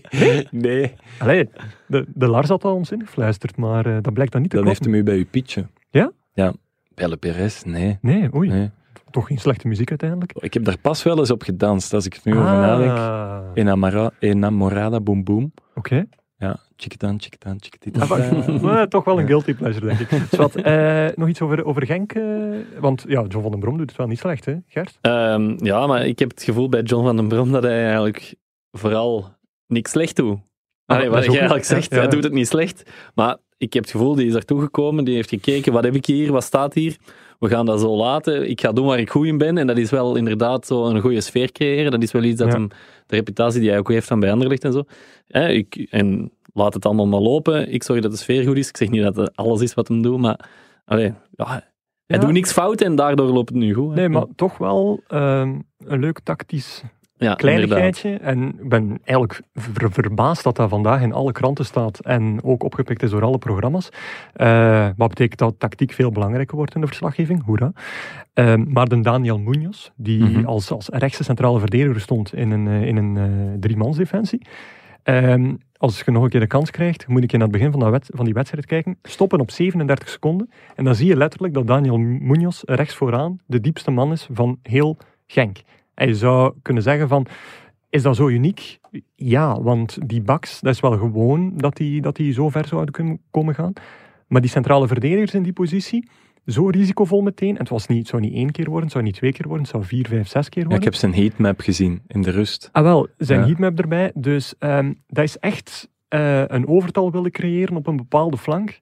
Chaos creëren, maar wel met de mogelijke opoffering van oei ja, al ons bak zijn weg en één van ons drie centrale verdedigers. Als je dan een counterploeg tegen je krijgt, dat is wel een stevig risico. En als dat dan goed afloopt en dankzij zo'n positionele zet een goal kunt maken en Mhm. later zou winnen, dan is dat toch wel iets waar je als trainer even op kan teren. Dat is waar. Ja. Ik zie dat heel graag. Zo'n voetbal. Risico's pakken. En, Dus uh, en- Beerschot is, eh, ja, is eh, helemaal uw ding dan. ik vind dat zalig om naar te kijken. Ik, ja, ik, ik wil op die manier van voetbal genieten. ik vond bij Beerschot vooral opvallend eh, dat, ze, dat Mike van Amel vandaag eh, bij ons in de krant, eh dat was een titel, ik heb extra geoefend op één tegen één situaties en hij legt dat uit. dus op, omdat wij zo, zo spelen, zo aanvallend en, en zo, allee, of, of, of zoveel gaten, er vallen er zoveel gaten bij Beerschot, is er extra aandacht voor één tegen één situaties op training bij hem. Dus, Dat is toch keigoed dat, hij daar, Dat hij gewoon zegt. dat, daar, dat daar op gewerkt wordt en dat dat ook toegegeven wordt. Dat het is uw eigen fout ergens blootleggen. ja, maar ook, het Maar ook ook accepteren gewoon- dat ja, het een fout is en Ja. je gaat ze blijven maken. Allee, als club, je, als je ploeg. neemt die fout Ja. erbij als je ziet hoe dat ze spelen Ja. en hoe leuk dat is om naar te kijken. Ja, het zou ook gewoon super belachelijk zijn moest Mike van Hamel nu de verdediging proberen ja, eh, allemaal Ja, weg, tuurlijk, weg ja. te schelden wat ze fout hebben gedaan. Hartjes, Mike. Eh Antwerp, is er daar nog iets eh, specifiek over, Gert? Want ja, eh, ze waren toch wel heel goed bezig en nu iets minder titelkandidaat, omdat het verschil was wel duidelijk op Ja, gegeven dat moment. wel. Ja, ik, eh, ja maar ik, ik heb het gevoel van als, als ehm Jean Butin niet in de fout gaat. Hmm. Tot op dat moment Dat had ik. vriend niet, hè, Nee, het is niet mijn vriend, dat, weet, dat heb ik hier al verschillende keren gezegd. Dat ik die, eh, En waarom niet- niet? Ja, ik, in, in, al helemaal in het begin toen hij bij Moes Kroen speelde. Ja. Echt waar, hè, die wedstrijden in zijn eerste periode bij Moes Kroen, die deed gewoon Ik heb het toen al gezegd. Ja, nee, maar die deed gewoon elke wedstrijd iets fout. Niet Ja. dat het een goal, een, go- een Nee. tegengoal opleverde, maar die deed elke wedstrijd wel iets raar waarvan je denkt, wat doet hij nu? En dat, dat, dat gevoel is eigenlijk altijd wel wat blijven hangen bij mij. Ik, ik herken ook dat hij wel goed ballen pakt en zo, maar eigenlijk, als je zijn seizoen nu, nu nou analyseert, iedereen zegt, amai, ja, Buté doet het goed. Nee, dat is niet waar. Tot voor Hm. deze week deed Buté niks slecht. Dus En- jij zat in uw zetel en jij riep, yes! Ja, maar ik vind ook, ik vind ook dat hem in de fout gaat bij de vierde goal van Dessers, dat hij daar eh, Hmm. te, ver, te laat uitkomt. Ja. Eigenlijk, als hij goed meespeelt, trapt hem die gewoon weg voordat Dessers bij de bal is. Hmm. Dus, ehm, ja. Ja. Dus, en, Maar s- tot dat moment, ja. van, tot die eerste fout van Jean Butet, had ik niet het gevoel, allee, had ik het gevoel dat Antwerpen nog wel iets kon, Ja. kon doen. Ja. Dus ja, dat is zo één moment dat heel die wedstrijd wel allee, een beetje doet kantelen. dat is voetbal, hè. Ja. Ja, maar daardoor denk, wil ik nu niet direct zeggen dat Antwerpen is afgeschreven om mee bovenin Nee, allee, nee, zo- mee te doen. Omdat ook niet doen. daar, zo groot vond ik het verschil nu ook weer. Het is niet dat je zegt van deze match heeft wel getoond, dit zijn de verhoudingen. Nog niet. Nog niet, oké. Mm. Ja. Je, je moet dat niet zo twijfelen, Ja. mocht dat daadkrachtig zijn. Ja, nee, nog niet. Eh, Ehm, Joris, wie wordt er volgens jou de grootste uitdager van Club Brugge? Ervan uitgaande dat Club Brugge... Ja, ik noem gewoon Club Brugge omdat dat de titelverdediger is. Ja, ehm, goh. ik vind dat zo moeilijk om te zeggen in december. Dat is zo, pff, er, er gaat nog zoveel Dat gebeuren. is er het zijn leuk, Een beetje speculeren. Ik weet het.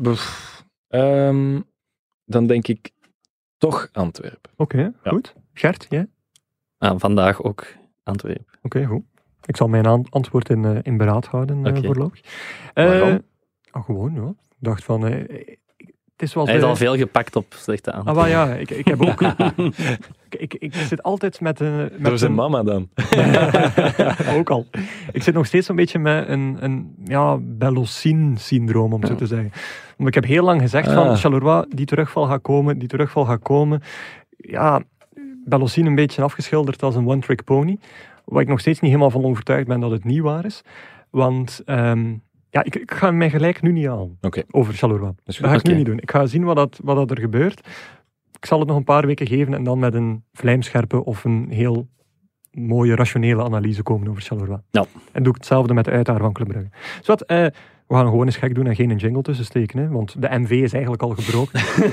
Wacht, ik zal hem nog eens zeggen. De MV van de week. ja, of van het weekend. De rubriek, Van het weekend. waarin, Oh, nog, nog eens fout. de rubriek waarin we wekelijks iemand in de bloemetjes willen zetten, of net dat kleine extra duwtje willen geven, waardoor hij of zij helemaal van de, Joris? Trapt 100. Oké.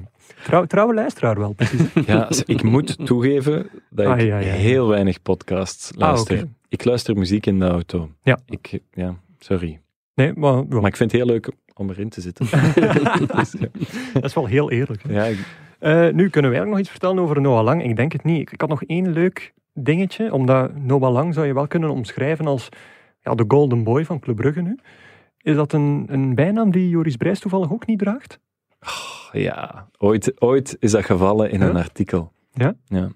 De golden boy van Studio Brussel. Ja, of- nee, van de Vlaamse media Oei, zelfs. ja, Ja, ja, ja. Maar dat was omdat ik toen... wel grof naar ons toe eigenlijk. Ja, dat was toen... Ja, moet je verdienen, hè. Eh, Weet, en weet je wat helpt?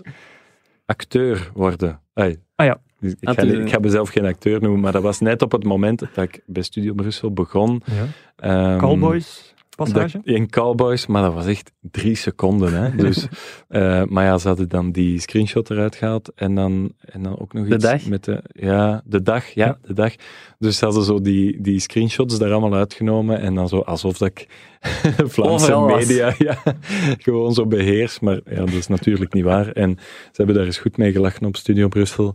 Ehm, ja, ze noemen mij daar soms nog eens de Golden Boy. En Maar dat is weg, maar ik vrees dat dat nu terugkomt. ja, is dat niet stiekem leuk?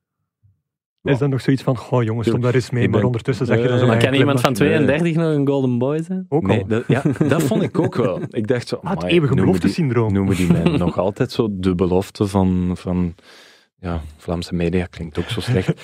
Maar eh, nee, nee, nee, ik, ik ga totaal niet ontkennen ehm, dat dat leuk is, want ja, ik, ik heb jaren eh, zo gedroomd van bepaalde dingen te doen. In middelbaar was dat commentaar geven op matchen, omdat Ja. ik Filip Joos en Frank Kraas eh, bezig hoorde. En ik dacht van, ah, ik wil commentaar geven. Dat is dan, ja, in al die jaren schakelt dat over naar, oké, nu wil ik presenteren, ik wil dat doen, ik wil, ja, radio, tof, oké. En ja, als je dan die dingen doet en je hoort van sommige mensen dat het goed is, je hoort ook dat het slecht is soms, Mhm. maar, maar dan ja, probeer de, de goede dingen daaruit halen. Maar als ze zeggen dat het leuk is of dat het goed gaat, ja, tuurlijk is dat leuk. Het zal wel. Ja. volledig mee eens. Ja. Nu, eh, wat Over naar de Golden Boy van het Nieuwsblad. Ja. Eh, wel, deze Golden Boy heeft... eh, we gaan dat gewoon constant invoeren. Ik, zie dat, ik, ik, ik zeg het met een glimlach. Ik zeg, je moet dat, je moet dat niet doen, Gert. Maar ondertussen lach, lach ik van oor tot oor. Ehm, nee, eh, Uw MV van de week. ja, ah, wel. ehm, Glenn Riddersholm. Een Deen. Bekend Hmm. bij jullie? Nee. En wat dat hij gedaan heeft, dateert eigenlijk al van vorig weekend. Nu, eh, de man was eh, lang coach van eh, FC Midtjylland, om het mooi op zijn Deens uit te spreken.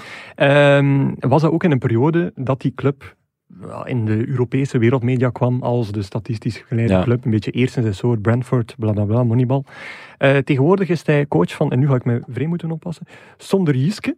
Mhm. En dat is een club die ja, mm, nooit hoger dan zesde is geëindigd in eh, de Deense hoogste klasse naar bestaan. Ene keer tweede.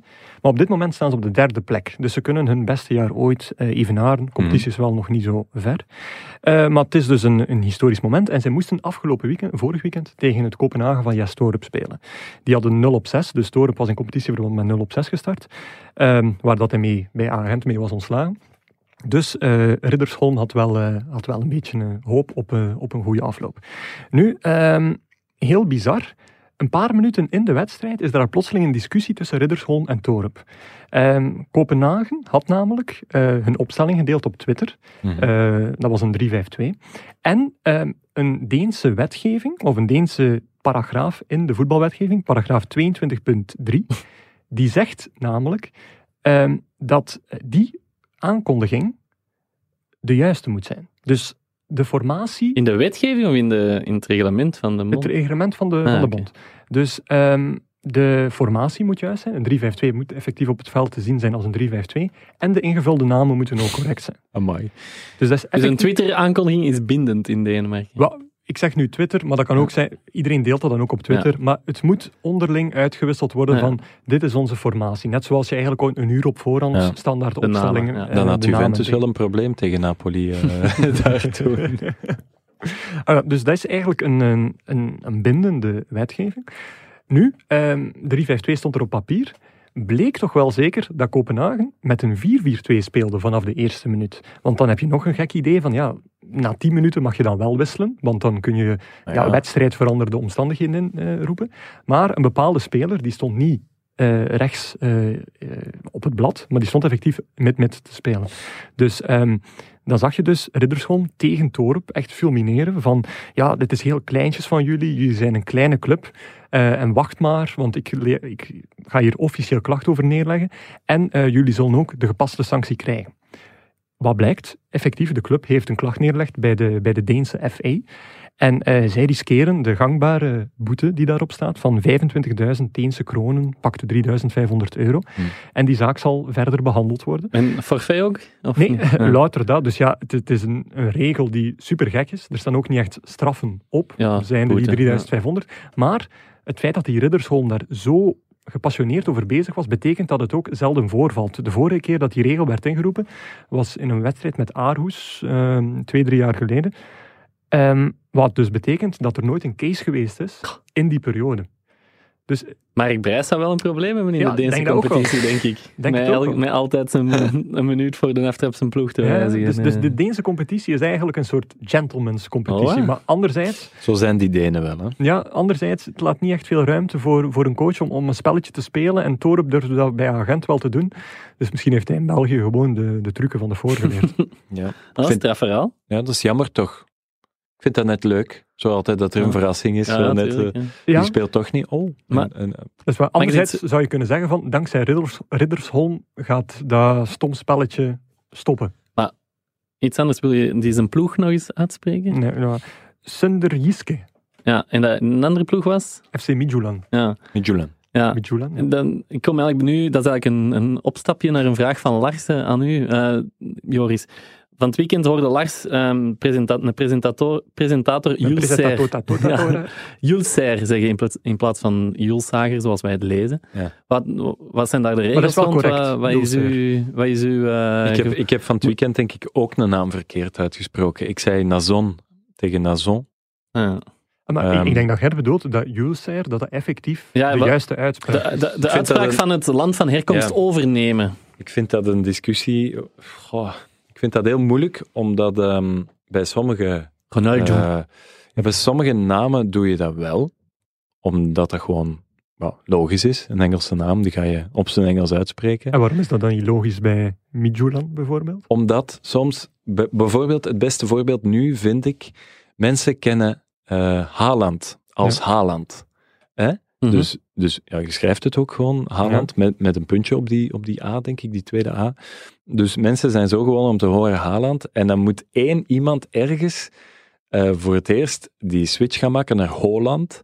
Maar dan, ja, ik zou mij als journalist of als maker van het stuk al zorgen maken dat je eigenlijk ehm, al, al iemand ziet kijken of hoort, ehm, ah, je ziet kijken en dat hij dan hoort Holland en denkt, Holland? Ja. Snap je? Dan, dan Ja, is het zo... Wie is het? Ja, iemand moet Shell, dan die beslissing... Iemand heeft dat toen ook gemaakt. hè. Ja, dus iemand moet dan die beslissing maken van we gaan het wel eh, op, op de Noorse manier uitspreken, maar dan moet iedereen het doen. En ja, binnen eh Play Sports bijvoorbeeld kan je dat wel zeggen, maar dan bij VTM doen ze het misschien anders. Of bij, bij Op1 doen ze het, eh, bij eh Sportza doen ze het misschien anders. Dus ja, pff, er is zo geen charter of geen, Ja. ehm, Ja. geen één document waar dat iedereen hetzelfde doet, maar ik probeer, probeer die namen wel juist uit te spreken. Ja. ja. Dus vanaf komend weekend Holland durven? Of, eh, Ik zeg Holland, denk ik. Ja, is het? Ja, ja Holland.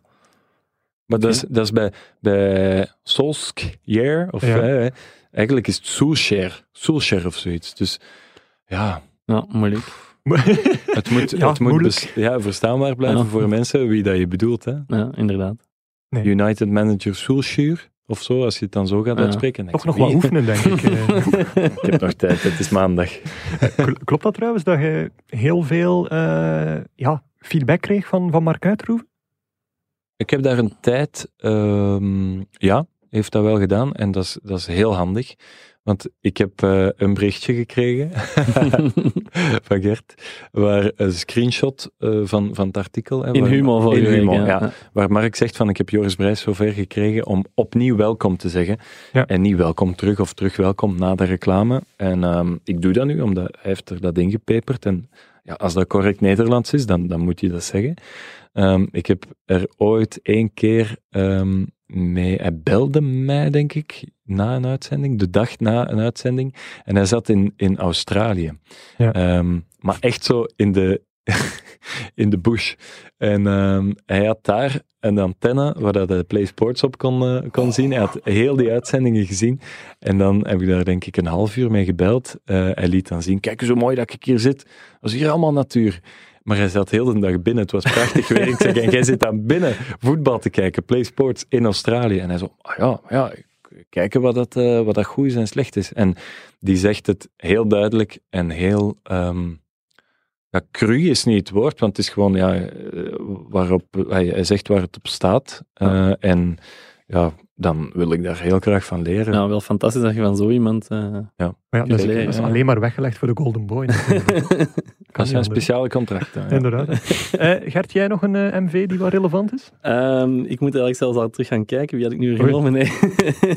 Eh, Hung Min Son, is dat juist uitgesproken, Joris? Ehm, ja, ik vind het goed. 9. Hung Min Son. Ja, gewoon om te kunnen zeggen dat hij, dat hij al in zijn eentje evenveel doelpunten heeft gemaakt dan heel Arsenal samen. Dat klopt. En gisteren 2-0 En dat zijn er tien. gisteren Mooie 2-0 pot, hè. gewonnen van Arsenal. Een heel mooi doelpunt. Ehm, Harry Kane assist en dan daarna Ja. ook eh, zijn 250ste doelpunt, Harry Kane. Ja. Ja, dat klopt Ja. toch? En Ehm, Ik heb mijn document niet bij, Ja, dus... maar het leuke aan Son is ook eh 10 goals. En zijn totaal vergaarde expected goals is eigenlijk maar 3,9. Dus Oei, dus hij is- doet beter. hij is zwaar aan het overperformen. Ah, dus buiten Messi en Cristiano Ronaldo zijn er Dus hij maakt er echt iets van. Van Oh. wat een... Ah, wel, er zijn weinig mensen die, eh, die dat ook kunnen aanhouden. Ja. Dus ik zou zeggen, als Tottenham zijnde, profiteer er nu nog even van. Ah, wel, dat, was- dit dat kan ging niet mijn vraag aan jullie zijn, ja. Want ehm, de special one staat terug op kop in de Premier League. eh. Allee, zijn we, gaan we opnieuw naar een, eh, naar een titel voor Mourinho? eh? kan het dit jaar? Bon, het is, eh, ik heb er juist geen uitspraken gedaan over uh, uithalen van Club Brugge, dus in Engeland ga ik dat zeker niet doen. Eh, Premier League minder en minder gepassioneerd door, eerlijk Ja? gezegd. Ja? Maar Jo- Joris mag dat niet zeggen als gezegd van Play Sports natuurlijk. Ik mag alles zeggen. Ja, oké. Ja. Ehm, Nee, maar ik heb wel iets met de Premier. League, dus ik, ik ga er niks slecht over zeggen. Ik, ik vind dit seizoen veel leuker dan de vorige. Vorige jaren was het City of Liverpool, wat dat dan wel een fantastische strijd tussen die twee was. Maar ik vind het nu leuk dat Tottenham meedoet, dat Chelsea meedoet. Ik vind Chelsea echt voor het seizoen, toen dat die die aankopen deden, ik Lekker dacht, wel, amai, Lekker. dat wordt een goede ploeg. en dat zal even duren nog, want dat zijn allemaal jonge gasten, maar het Ja, zijn toch wel Maar toch, ja. de beste eh, jonge voetballers die er in Europa eh, rondlopen. Veel van die gasten toch. Dus Chelsea gaat zeker meedoen. Ja, United, eh, twee weken geleden keek ik naar de stand en stonden die dertiende of zo. En nu staan die plots vierde, denk ik, vierde of vijfde. Zijn die er ook terug bij gekomen. Dus het is wel leuk. Het gaat wel tof worden. Dit Het is, seizoen, het is niet meer City en Liverpool tegen de rest. Nee, nee, en dat is goed. Hè. Maar om nu te zeggen dat het direct Tottenham gaat worden, Nou, ik ik, vond- zal dan toch maar ik- stellingen nemen. Ik hoop Mourinho, ja, die show altijd is geweldig. Hè. Gisteren deed hem ook de Wolf of Wall Street aan ik heb de het niet zijlijn. gezien. Nee, Na de, na, de, na de Ah, goal van Kane, dus ja, dat is wel schitterend. geweldig. Zo'n figuren, Ja. die moeten er zijn. Inderdaad. absoluut. Eh, slotvraagje, José of José Mourinho, Joris? José, want dat is Portugees, hè? Oké, Joris. José over- is Spaans. Amai, direct eigenlijk een uitleg met duiding. Dat is Ja. goed. Over naar het volgende.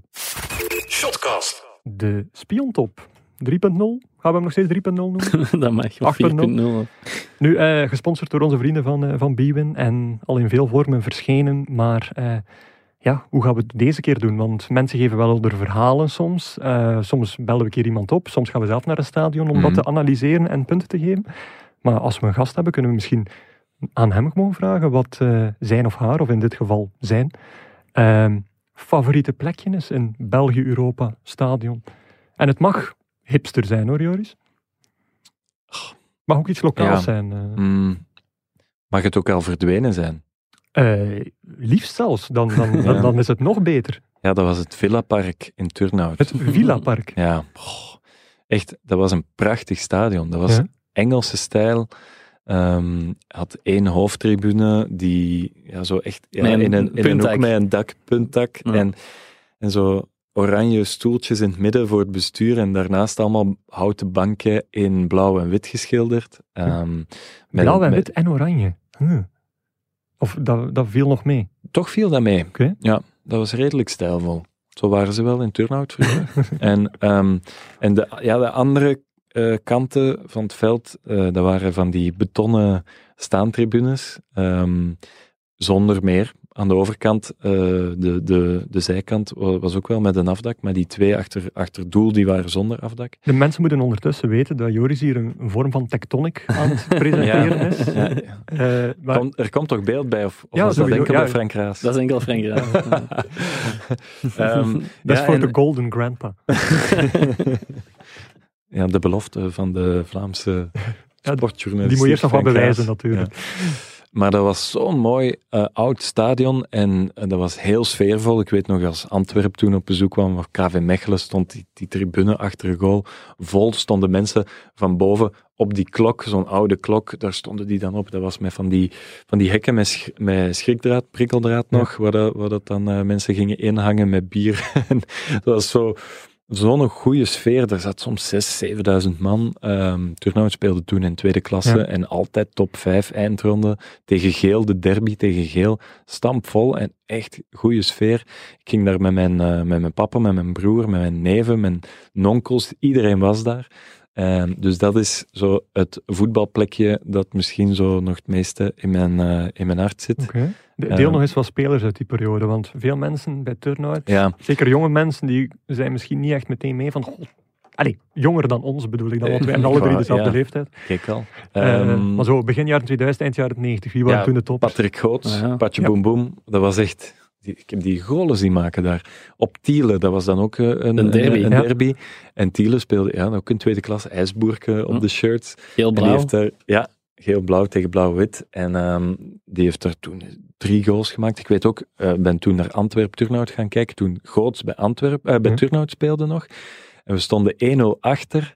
En die van Antwerp, die waren met heel veel aan het zingen. Amai me klote, amai me klote, is dat een patje god. Die trapt er daar drie binnen. 1-3 winnen op een Antwerp. En die, die van Turnhout, amai me klote, dat is een patje god. en toen is dat daar echt eh, een serieuze rel geworden. Want dat was volgens mij, de, toen waren ze nog aan het verbouwen achter het doel. En toen Ja. hebben die van Antwerpen alles wat ze konden vinden gepakt. Zo van die bakstenen, van die metalen platen. En die zijn allemaal in ons vak gevlogen. Mijn papa heeft toen Oeh. nog een, ehm, zo'n baksteen op zijn voet gekregen. Oei. Ehm, dus Patrick Groot. Ja, En altijd Pierre- goede verhalen ja, met Patje Boom Boom. er gebeurt altijd iets. Ja. Eh, Pierre Droguet stond in het doel. Ronnie van Reti. Bruno er. Versavel? Bruno Versavel. Dat was dan ietsje daarna. Ehm, Tom Kaluwe ook gespeeld. Ehm wacht, dan moet ik nog even denken. Ja, Thomas Heschman. Kent iemand die? Nee. Dat was echt supergoeie spits. Die kon zo goed koppen. Een Tsjechische spits. Die is, die is daarna naar Bergen gegaan. En die, die speelde ook samen met Pascal de Vreese bij Turnhout. Ja. En de Vreese is toen ook nog naar Bergen Ah, gegaan.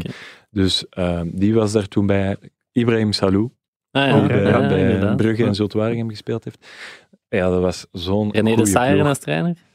Of? Ja, maar daar had ik geen goede band mee. Ja, je hebt hem zelf ook gehad, toch, hè, denk ik. Hij was Ja. dan ook jouw speler. Mm, mm. Ik, was, ik zat bij de belofte Ja. en ehm, hij was eh, trainer van de eerste ploeg. En ik, ja, ik had er hoop op om, om af en toe eens mee te doen en mee te trainen. En eh, toen ging ik het, het eh, jaar daarna ging op kot in Antwerpen. En ik was aan het beslissen van, ja, ga ik nu blijven? Heb ik hier nog toekomst of niet? En een gesprek met René de Sayer, maar dat was een heel kort gesprek. En die zei toen van, ja, de volgende dag belde iemand mij, ja, morgen mee oefenmatch met de eerste ploeg daar en kunt u bewijzen. En ik dacht, oké. en dat was volgens mij eh, tegen Schoten, ik weet het nog, op Schoten. En kwam daar aan, bleek dat we met twintig waren en dat eh, de helft van de belofte er ook gewoon bij waren. Allemaal de Ik mocht invallen in minuut, ja, ik mocht eh, invallen in minuut 89. Oeh. Dus één minuut op dat veld gestaan. Ik ben naar binnen gestormd. Mijn, mijn niet gedoucht, in de, in de kantine gekomen. eh, nog even iets tegen René de Sayer gezegd. En Wat dat dan? was mijn laatste moment. eh, Bij KFC Turnhout. ja. En wat heb je dan iets gezegd tegen de, tegen de zaal? Ik- echt waar, ik weet het niet meer. Maar ik weet dat mijn papa er ook bij was. En die heeft toen gezegd van... ja, iets in de aard van gewoon dat het geen stijl was. Maar dan iets harder, denk ik. en, dan, en dan ben ik daar weggegaan. En dacht ik van... Ja, op die manier moet het niet meer. Oké, goed. Ja. Ja, toch een, een liefde en een beetje zwart randje zo. Maar nu, Haatliefde, dat is mijn relatie met Turnhout. nu eh, echt een ongezellig stadion, hè, Turnhout. Stadsparkstadion met, eh. Met een piste, piste rond. Van nu Eh, fusieclub, hè? KFC en... Fusieclub ook geworden, dus SK. dat is, daar is niks meer van overgebleven. Van die mooie club die het ooit was. Ja. En je gaat dus ook niet meer twee wekelijks langs, als het zou mogen. Nee, dat is al echt heel lang geleden. En is er dan een nieuwe amateurliefde op dit moment? Nee, Nee? Het zal Nee. nooit meer komen, heb ik het gevoel. nee, nee. Maar ja, waarom zou je nu plots een ploeg in vierde Kiezen, klasse ja. gaan kiezen om te gaan kijken? Maar ik heb dat wel eens gedaan met een vierde provinciale Escalo Christi. En Ja, zijn ja. zo al meteen zo'n momentjes dat ik denk van, goh, dat wil ik wel Willekeurig. Locristi gekozen Ja, of om- daar speelde iemand dat je kende? Nee, omdat dat vlak bij mij thuis was. Een keer uit de buurt gaan komen, ja. En dat, Dat was, dat was voor een spiontop eigenlijk. Om Ah, te- om, en had met werk te maken. Locristi. Ja. Locristi eh, speelde tegen Destelbern en met Destelbergen staat eh Bjorn, de Wilde, Bjorn de Wilde in de spits. De tank, De tank nu. twee meter breed. Eh, ja, twee meter breed. En Ja. het leuke is ook, ehm, in de streek, in de Carrefours en in de Deleuses, ehm ja, je hebt zo van die karretjes en eh, op die karretjes hangt er soms ook weer een papiertje vooraan. Ja. En dat wordt in die Deleuses gebruikt als reclame. En dat is dus reclame voor de fitness van eh, Bjorn de Wilde en ook voor ehm, zijn vrouw die handelt in voedingssupplementen en allerlei fashion toestanden eraan. Evelien toch, hè? Evelien ja. Ja, Evelien Hoste. Dus die zitten dan zo langs weerszijden van zo'n karretje, terwijl hij aan het, wi- eh, aan het winkelen bent. Dus eh, dat, dat is mijn streek, Joris. Ik zal eens afkomen. Bjorn de Wilde, yes. Ja. Eh, goed, eh, het spiontop, dat sluiten we wekelijks af met ehm, het verloten van een, eh, een shirtje. We hebben het al eens gedaan, dat van KRC Genk, maar eh, we hebben er nog eentje op de kop kunnen tikken, gesigneerd. En aangezien ze nog steeds aan de leiding staan, lijkt ons dat wel een leuk hebbeding te zijn. Ook een heel kleine eh, oproep aan de vorige winnaars, Anne en Raf, die ook een gecombineerd e-mailadres hebben. Ehm, ja, jullie zijn de enigen die de prijs nog niet hebben opgeëist. Al de rest heeft zijn prijs al binnen. Dus eh Anne en Raf, jullie hebben heel leuk ding gewonnen. Maak jullie kenbaar alsjeblieft. Die, toch jullie mailbox meer dan één keer in de drie weken checken. Want eh, anders gaat Joris Brijs ermee gaan lopen. Signeert Ja. het shirt van Genk, dat spreekt je wel aan. Dat mag erbij. Oké, Ja. goed. Er zou toch niks gebeurd zijn met Anna Raf? Nee, inderdaad. Ja. Oei. Oei, aan de af. Nu- Ja, nu maak ik me wel zorgen. Ja, Zwat, ehm, ja natuurlijk eh, op de website, eh, het nieuwsblad, eh, onder Shotcast kunnen jullie de wedstrijdvraag invullen. En de wedstrijdvraag die is gebaseerd op het tuentje dat jullie nu zullen horen.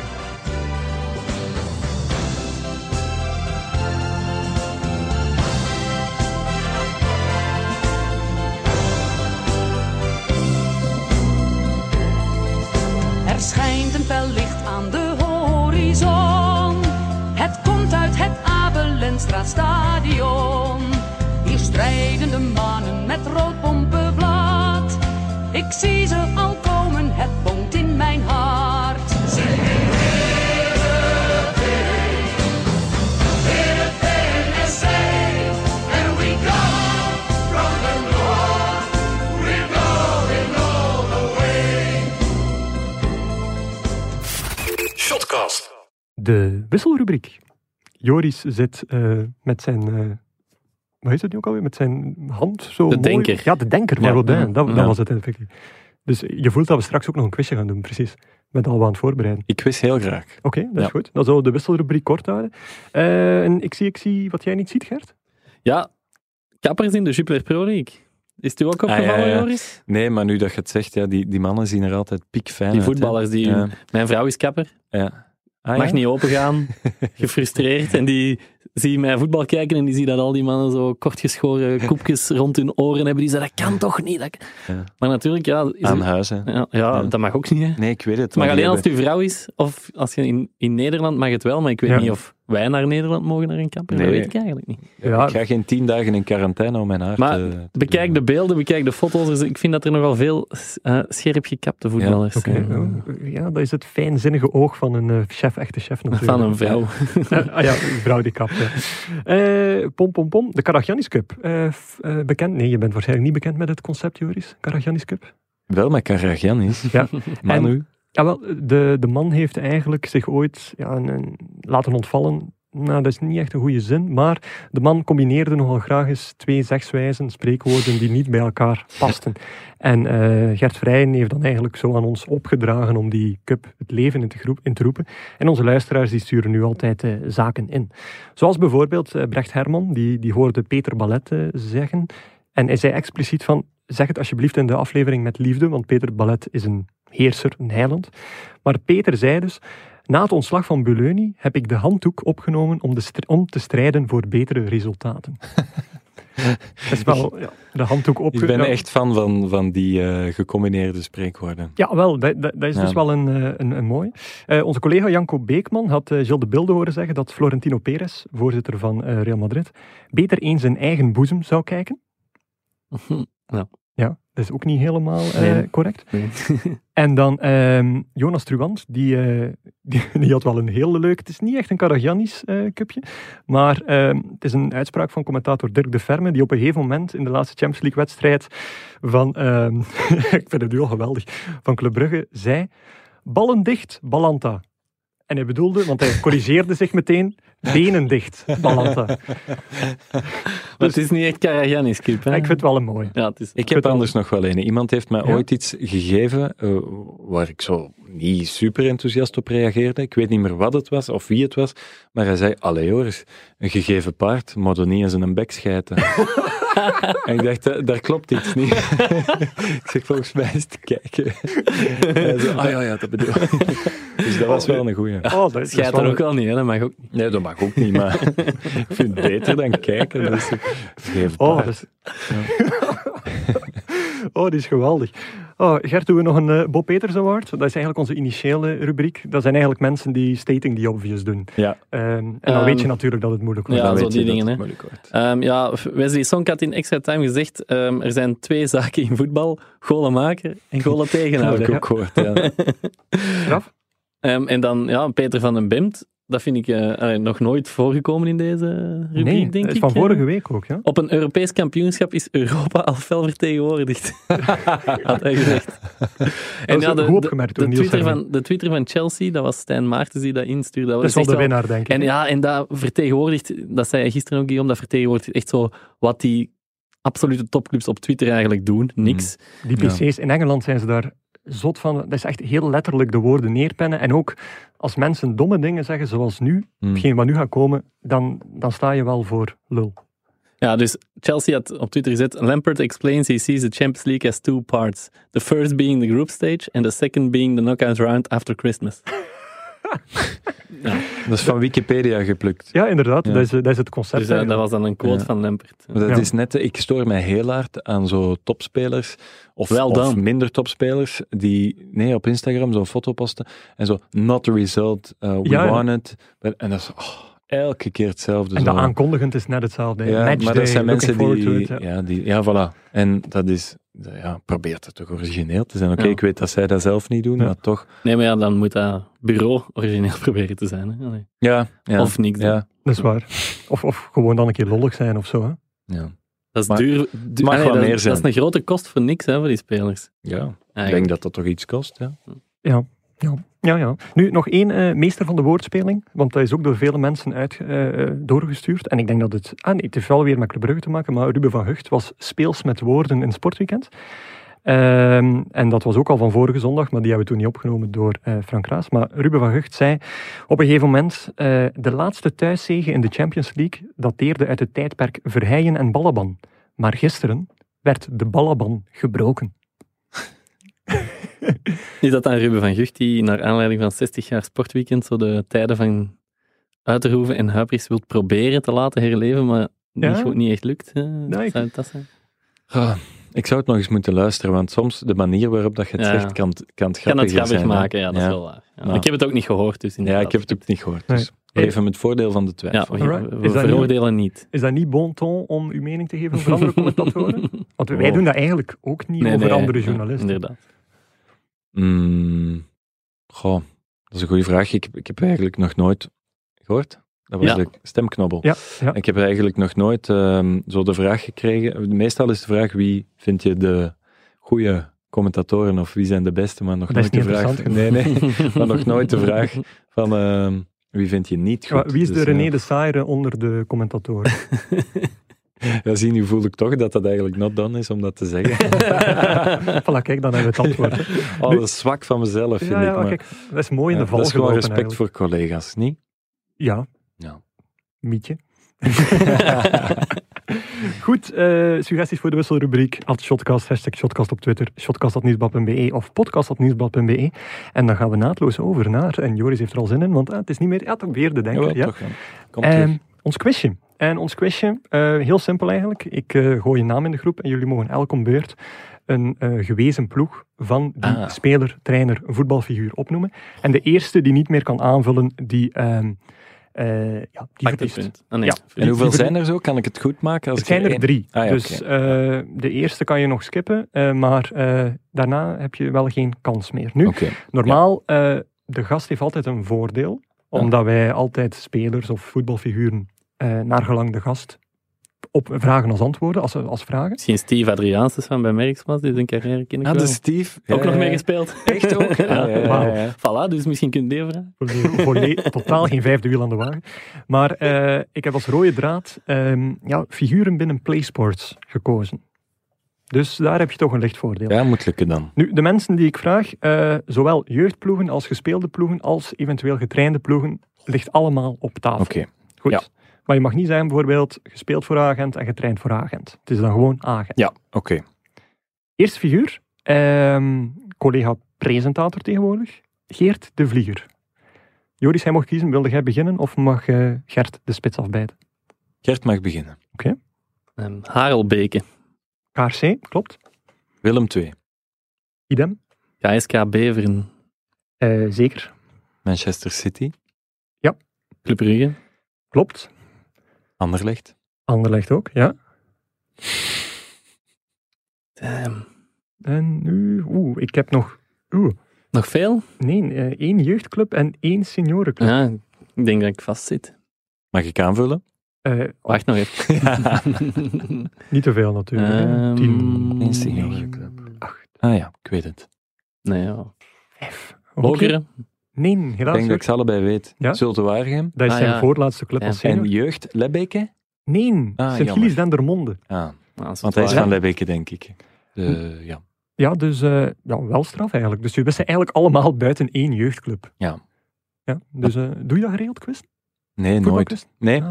wel heel weinig. Heel weinig. Maar ik vind, ik vind dat wel heel leuk om eh, ook quizzen op te stellen. Ik ben Ah. ook graag de quizmaster. Oké, goed. Maar mocht je meedoen met mijn eh, groepje eh, bij de volgende gelegenheid. Is goed. Want eh, meneer kan er wel iets van. 1-0 dus. Joris, jij mag nu, jij moet nu beginnen, Ja. dat zijn de regels van het spel. En de persoon in kwestie is de weinig bekende Hein van Hazenbroek. Lokeren. Zeker. Als speler en Ja. assistentcoach trouwens. Harelbeek? Ja, wow. Ja, de- ik vind dat direct al een gewaagde gok eigenlijk. Oké, maar nee, nee, nee. Ik ver- nee, dat is in, Panini-kennis. mijn, in mijn beeld van mijn jeugd, dat is gewoon... Ja, ja. Hij van Aasbroek is Harelbeek. Ja, bij mij ook, met die, met die Ja. blonde manen. Zo. Ik, En dan in eh Casa Casa, waar dat is in borst staat laten. dat is echt het beste. Is echt het beste filmpje Ja. ooit. Zwat, Eh, Kortrijk. klopt. Ehm, Anderlicht. Klopt ook. Genk. Zeker. Lauwe. White Star Lauwe, jawel. Ehm, ehm, wacht, wat hebben we nu gezegd al? Ehm, Pom, pom, pom, pom. oh ja. Pom, pom, hadden pom, we wel pom. Anderlecht, ja. Pom, pom, pom, pom. Moest, nee. Nee, pom, wacht. pom, pom, pom. Oh, oei, ben ik nu al aan het falen? Er zijn er nog eh, wel maar twee, denk ik. Ah, twee nog maar. nee, eh, drie. Sorry, drie. Drie. Ehm, dan heeft... Oh, Roeselare? Nee. Nee. Ah. Helaas, Gert, kan jij nog Ik vroeg mij eigenlijk af, is Gent al gezegd? Nee. Oh nee, dat meen Oh nee. Ah, dat is dacht met het. Genk, hè. Oh, dat was, oh, dat was Genk. echt super pijnlijk voor jou, Joris. Ah. Oh nee, ja, Gent. Ehm kunnen we nog verder Nee, aanvullen? nee, nee. Eh, gespeeld als... Oh, wacht, ik heb hier de jeugdploeg nog niet bij staan. Misschien is er dan... Hmm. Nee, jeugd, White Star Lauwe, nadien. White Star Lauwe, Doornik, Kortrijk, Doornik. eh, KBSC Lauwe, mocht ook. Eh, KRC Harelbeke, Lokeren. En dan de getrainde clubs, jeugdtrainer bij Harelbeke, assistent bij Lokeren. KSV Engelmunster. Hm. Eh, White Star Lauwe, Kortrijk, Genk, Kortrijk, Gent, Anderlecht, Gent. Gent. En dan na gisteren. Inderdaad. Ah. Inderdaad, maar dat maakt het wel Ah, ik spannend. begon ineens te twijfelen, dat is toch nog niet Ja. gezegd? Ja. Ja. Ik dacht van, eh, zijn die nu in een parallel universum bezig? Want dat was inderdaad nog niet gezegd. Maak het wel spannend voor de laatste. En eh, de laatste is de, ja, immer geliefde Bob Peters. Gert eh, moet beginnen nu. Lierse. Ja, zowel jeugd als senior, maar niet gecoacht. Cercle Brugge. Klopt, Gent. klopt, Roda JC. klopt. Pulderbos. Eh, nee. Maar damn, risico. Ja, wel heel vroeg. Eh, kan Joris aanvullen? eh Millwall. Millwall, sowieso. Ehm, eh, trainer, ja, Westerlo. Westerlo, ja. Nu, Westerlo. Ehm, Maak ook niet dezelfde fout als daarnet, alsjeblieft. Gent. Nee, Gent is gezegd, maar wat is er dan niet gezegd? Genk. Genk? Ah ja, hij heeft ook bij Genk gezeten, juist. Ja, ja. Genk. Ja, Nog zal- veel? Eh. Eh, nog een Waar is hij club. begonnen? Nog een Nederlandse. Eh, jeugd begonnen, Ternesse. Vitesse. Eh, ja. Ja, Vitesse. In de jeugd Ja. Ternesse en Lierse. Dan seniors eh, Lierse, Roda JC, Vitesse, Millwall, Genk en Lierse. En dan de clubs, belofte trainen van Agent. Hm. Cercle Brugge, Agent, Waasland Beveren. Ah ja. Juist. En dan eh, Wigan. Eh, nee, sorry. Charlton. Charlton Athletic, Juist. KSC Lokeren. En dan eh, Westerlo. Ik zie hier in Ja. Wikipedia staat er aangeduid als in twee periodes. Is hij dan tussentijds eens ontslagen geweest? Ja, die is Ja, ja. geweest bij Ja. Westerlo. Oké, goed. Interessant. Jackie Matthijssen is er nog tussen geweest. Mai, in 2016. Ja. Oké, goed. Dat zegt mij eigenlijk niks. Zwat, ehm Joris, eh, grootste victorie. Dankjewel. Zijn er wel blij mee, denk ik. Hè? Ik ben altijd blij als ik win. Ik ben wel competitief, dus Ja? ik wil alles winnen waar ik aan meedoe. Ja. Oké. ehm, geldt dat ook voor de Balzak Challenge? ja, maar ik was de enige deelnemer. Dus. Ja, Wat, wat, wat was wat was dat? Want Lars begon erover en wij... Wij- hem zeker vragen Heb je dat nooit gezien? Nee, eigenlijk niet. Oh. Ja, je moet dat eens zien. Ik zal het eens doorsturen. Dus ik heb zo'n grote rugzak. Echt een hele grote. Dat is eigenlijk een rugzak om klimtouwen in te steken. Ja? Die kan je van boven zo gewoon dichtvouwen. Die is waterdicht en zo. Dus die is heel groot. Als je die openzet, staat die van achter helemaal open tot, tot aan mijn hoofd van boven. En ik weet dat ik eh, tijdens de eerste lockdown, ik zat met mijn lief in het park en ik had een bal mee. Ik was daar wat aan het eh, showen in het park. En zij lag op de grond. En, en we gingen weg en ehm, ik dacht van, ah ja, ik heb die rugzak aan. Ik kan die eigenlijk zo over mijn hoofd trappen en zo in mijn zak eh, laten vallen. Ah, oké. Wow, ik was nog steeds niet mee tot dit Nee, nee, nee. moment. Ja. Ah ja, zelfs zover niet. Ja, oké. Dus het is gewoon eigenlijk een bal die in een zak terechtkomt. En, ehm, en toen dacht ik van, hey, dat is eigenlijk wel leuk. En dan ben ik zo beginnen ja, bepaalde moves verzinnen om die zo... Bijvoorbeeld, ik heb één filmpje waar ik aan het jongleren ben. Eerst zo een trucje doe met mijn been rond een bal en dan stamp ik die zo hoog mogelijk in de lucht. Ik denk dat die echt 25 meter hoog gaat. En ik stap en terwijl dat ik stap, valt hij van achter in die rugzak. Oh. Dus dat ziet er super spectaculair uit. En dan ben ik dat beginnen delen, zo verschillende filmpjes, onder de naam Balzac Challenge, omdat iemand op Studio Brussel zei van, Balzac Challenge, dat is toch een goede naam. Dan ben ik dat beginnen doen en ik vond dat hilarisch, omdat toen, zo, die week zijn er denk ik ja, zo een stuk of dertig eh, mensen geweest die dat ook begonnen doen op Instagram, maar ook gewoon daarop zetten Balzac Challenge. Dus ik Ja. vond dat wel grappig dat mensen die een balzak meepakten. Gert Verrijen heeft er ook een gemaakt Ja? Ehm, Geslaagd, op zijn of? skibotten. Ja, Oh. op zijn skibotten. Zo in een klein rugzakje. En ook met skis aan gejongleerd om zo in de rugzak te doen. Dus ja, mensen hadden tijd te veel. En, eh. Het is wel next Ja. level met, met skilatten. ja, Als er iemand beter doet, eh, Eh, hashtag leuk. Shotcast, hashtag Balzac Challenge, Ja. zou ik zeggen. Revival van de Balzac Challenge. Eh, misschien moet hij het straks een keer proberen, Gert. Ik was keeper. man. oh, va. Eh, Joris, wat ga je volgende week doen als afsluitend deeltje? Volgende week. Dus dat is niet... Eh, deze week. Deze vanaf, week, ah, Vanaf, ja. vanaf binnen vijf minuten. Oké. Ik eh, ga naar de tandarts om half vier. Oké, interessant. en kunnen mensen de live volgen? Ik kan dat op Instagram. Eh, nee, ik, ik eh, gewoon nog een gewone week eigenlijk op Studio Brussel. Want volgende week beginnen we dan donderdag met de warmste week, met Ja. Beats of Love. Ehm, dus dat is, daar, daar moeten nog wel bepaalde dingen voor gebeuren. Ehm, een redelijk gewone week en zondagavond heb ik Sports Late Night. Oké. Ja, dus eigenlijk geen boeiende week. Nee, oké, geen boeiende Ah, ik bedoel, er komen geen extra boeiende dingen bij. Het is boeiend, maar ik kan niks meer vertellen of zo. Ik eigenlijk ook niet, buiten het feit dat weer werken geblazen wordt. En eh, voor de rest ook eens doorbladeren in de Catenaccios. Dat is een nieuw magazine dat wij Ja. eh, wekelijks eigenlijk binnenkrijgen. En het grappige is, het is een driemaandelijks medium. Ik denk het, of vier Ja, maanden? of nee, drie. Ja, drie- vier nummers per jaar. Ja. Trimestrieel, denk ik. Ja. En eh, wij krijgen eigenlijk elke week gewoon een nummer dat al is uitgebracht van die gasten. Dus We die, zitten nu aan week, vier- nummer vier, dus nog drie weken. ja, en dan ben ik benieuwd wat ze gaan doen eigenlijk. Maar vandaar, merci gasten van Catenaccio, want ik denk dat jullie doel wel is om toch eens op zijn minst vermeld te worden, om dat gewoon altijd naar... eh, van liefde voor de voetbalsport. Is, Uit liefde eh, voor de voetbalsport. En goede naam, hè? Catenaccio, ik vind dat, ik vind dat een, een heel mooi woord. Ja. Absoluut. Dat is waar. Eh, Gert, wat doe jij? Ja, ik wil, allee, ik wil vanavond eh, de loting van het WK zien. Ik denk dat niemand doorheeft dat het is, ben bij De wijze van loting van de WK, WK voorronde voorronde. kwalificatie. Echt? Ja, dat is vandaag. hè. Dus ik, ik wil eigenlijk maar zeggen, ik heb het daarnet ook nog tegen iemand verteld. Jaren geleden zaten we dan altijd zo weken op voorhand bezig. Oh, het is niet open dat we een ploeg uit, en de goeie uit pot 2 En hebben. nu hè, want- hopen we op en nu is het enige dat, we, Ja. dat België hoopt is, ah, niet naar Kazachstan, hè, zo, Ja, ver, ja. zo ver vliegen. Ja, Ja. dat er maar eens een topploeg tussen zit. maar Denk dat kan ook niet zelfs, ja. want er Ah zijn ja, is tien juist, ploegen in ja, pot 1. tuurlijk. Oh, Zwitserland kan ook. Zwitserland is de hoogst gekwalificeerde Ja. ploeg. Dat je al zoveel gehad ook. Ja. Ja. Dus de loting waar niemand van wakker ligt eigenlijk. Ja, wat een verschil met Daar, daar, niet daar zo lang de luisteraars aan eigenlijk. Ik wou gewoon melden dat dat Ah, vandaag was en dat niemand dat weet. Ik wou bijna de hele vreemde vraag stellen. Heb jij ook iets met balkjes? Maar ik bedoel, zo die, die balkjes bij de loting. Ehm, ik, Jij wel of Warme zo? ballen, Ja, of wat? nee. met kriksjes. Nee, zo, Dat is niet een bij- andere balzak bij een, eh, ja, bij een loting ik, ehm, ik heb dat altijd gehad. Ik vind dat zo spannend en zo leuk, dat gegeven van in die balkjes roeren, zo met die hand naar de Ik buitenkant. wou dat Ja. vroeger zijn.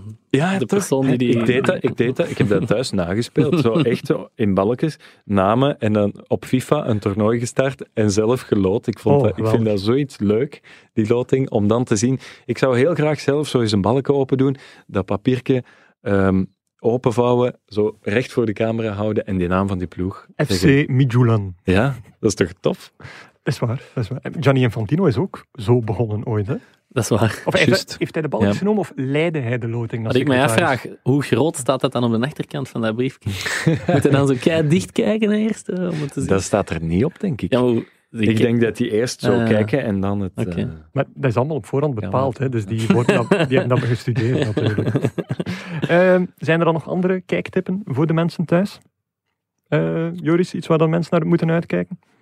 Dat kan een ehm, match zijn, of dat kan een luistertip zijn, of dat kan eh, een eh, tv-tip zijn, of een leestip. Ik had hem dat gisteren Goh, al ja. gevraagd, maar hij heeft er duidelijk niet over nagedacht. Jawel, ik heb er wel over nagedacht, maar ik ben het kwijt. Hij heeft ook, al Ik in een kwijt. MV van de week vermeld. Ja, en, en het goede het goeie is, ik heb in mijn gsm ehm, wel eh, een paar dingen gezet die dat ik ja, de- erin heb gezet, omdat ik ze moest onthouden. En ook- nee, ik heb hem hier, maar dat was eh beste stadionervaring Ah, ja, en zo de leukste, leukste dingen Ah, in ja. het stadion. Maar de kijktip, ja, de luistertip zou ik echt die Beats of Love zeggen. Ja. Vanaf volgende donderdag, 18 december, omdat dat echt een supermooi eh, verhaal gaat worden, een hele week lang.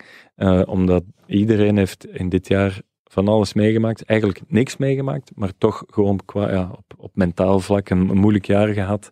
En, ehm, en ik ben heel benieuwd naar al die platen, omdat het leuke is, vind ik, als iemand bedankt een plaat. ehm, daar straks vanmorgen heb ik bijvoorbeeld op de, op de radio mijn beste maat, Stef, bedankt.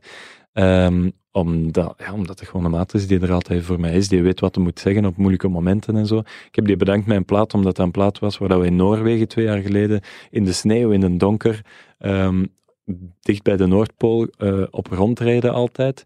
En als je dan zo'n verhaal hoort en dan de plaat hoort, dan krijgt die plaat zo ook een andere betekenis als luisteraar. Dan ga je zo denken van, ah ja, ik heb ook in de gevangenis gezeten vanmorgen, echt waar, Leuven Centraal, met een gedetineerde gebabbeld die er al 16 jaar zat. En die had All of Me ehm, van John Legend aangevraagd, omdat een vrouw hem zo goed geholpen had. En in dat nummer zit ook ehm, vergeving en zo. Eh, Dus dan ga je anders luisteren naar dat nummer en dat gaat heel mooi worden. Dus dat is mijn luistertip. Sorry dat het zo lang duurde om Maar het uit te leggen. maar- Ik, ik, ik, ik ga mijn kijktip zelfs niet meer geven, want die zou op een koude steen terechtkomen, denk ik, na, na, na dit exposé ik. Gert, durf jij nog? Ja, ik, ik heb het hier daarnet al eens over gehad, maar het 60 jaar sportweekend is ook volgende week nog. Ik vond dat gisteren wel echt amusant, eh, leuk Ja. eh, tv. Ik heb het opgenomen. het interview Ja. erover in, in, in Humo vond ik ook tof om te lezen. Met vermelding voor met vermelding voor Joris Brijs. eh, ja. Dus eh, ja, iedereen, ik raad iedereen aan om dat voor zondagavond te kijken. Va, Ja. goed. Dan eh, gaan we stilletjes aan eh, afronden. Joris Brijs, mag ik je ongelooflijk hard danken voor je komst. Dat is heel graag gedaan en eh, ook bedankt om mij eens uit te nodigen. Ik vond het heel tof. Ja. Leuk om eens te babbelen. Ik kan nog één keer zeggen, maar het is de eerste keer dat we hier een Golden Boy in de studio hebben. En de laatste. dat zeker.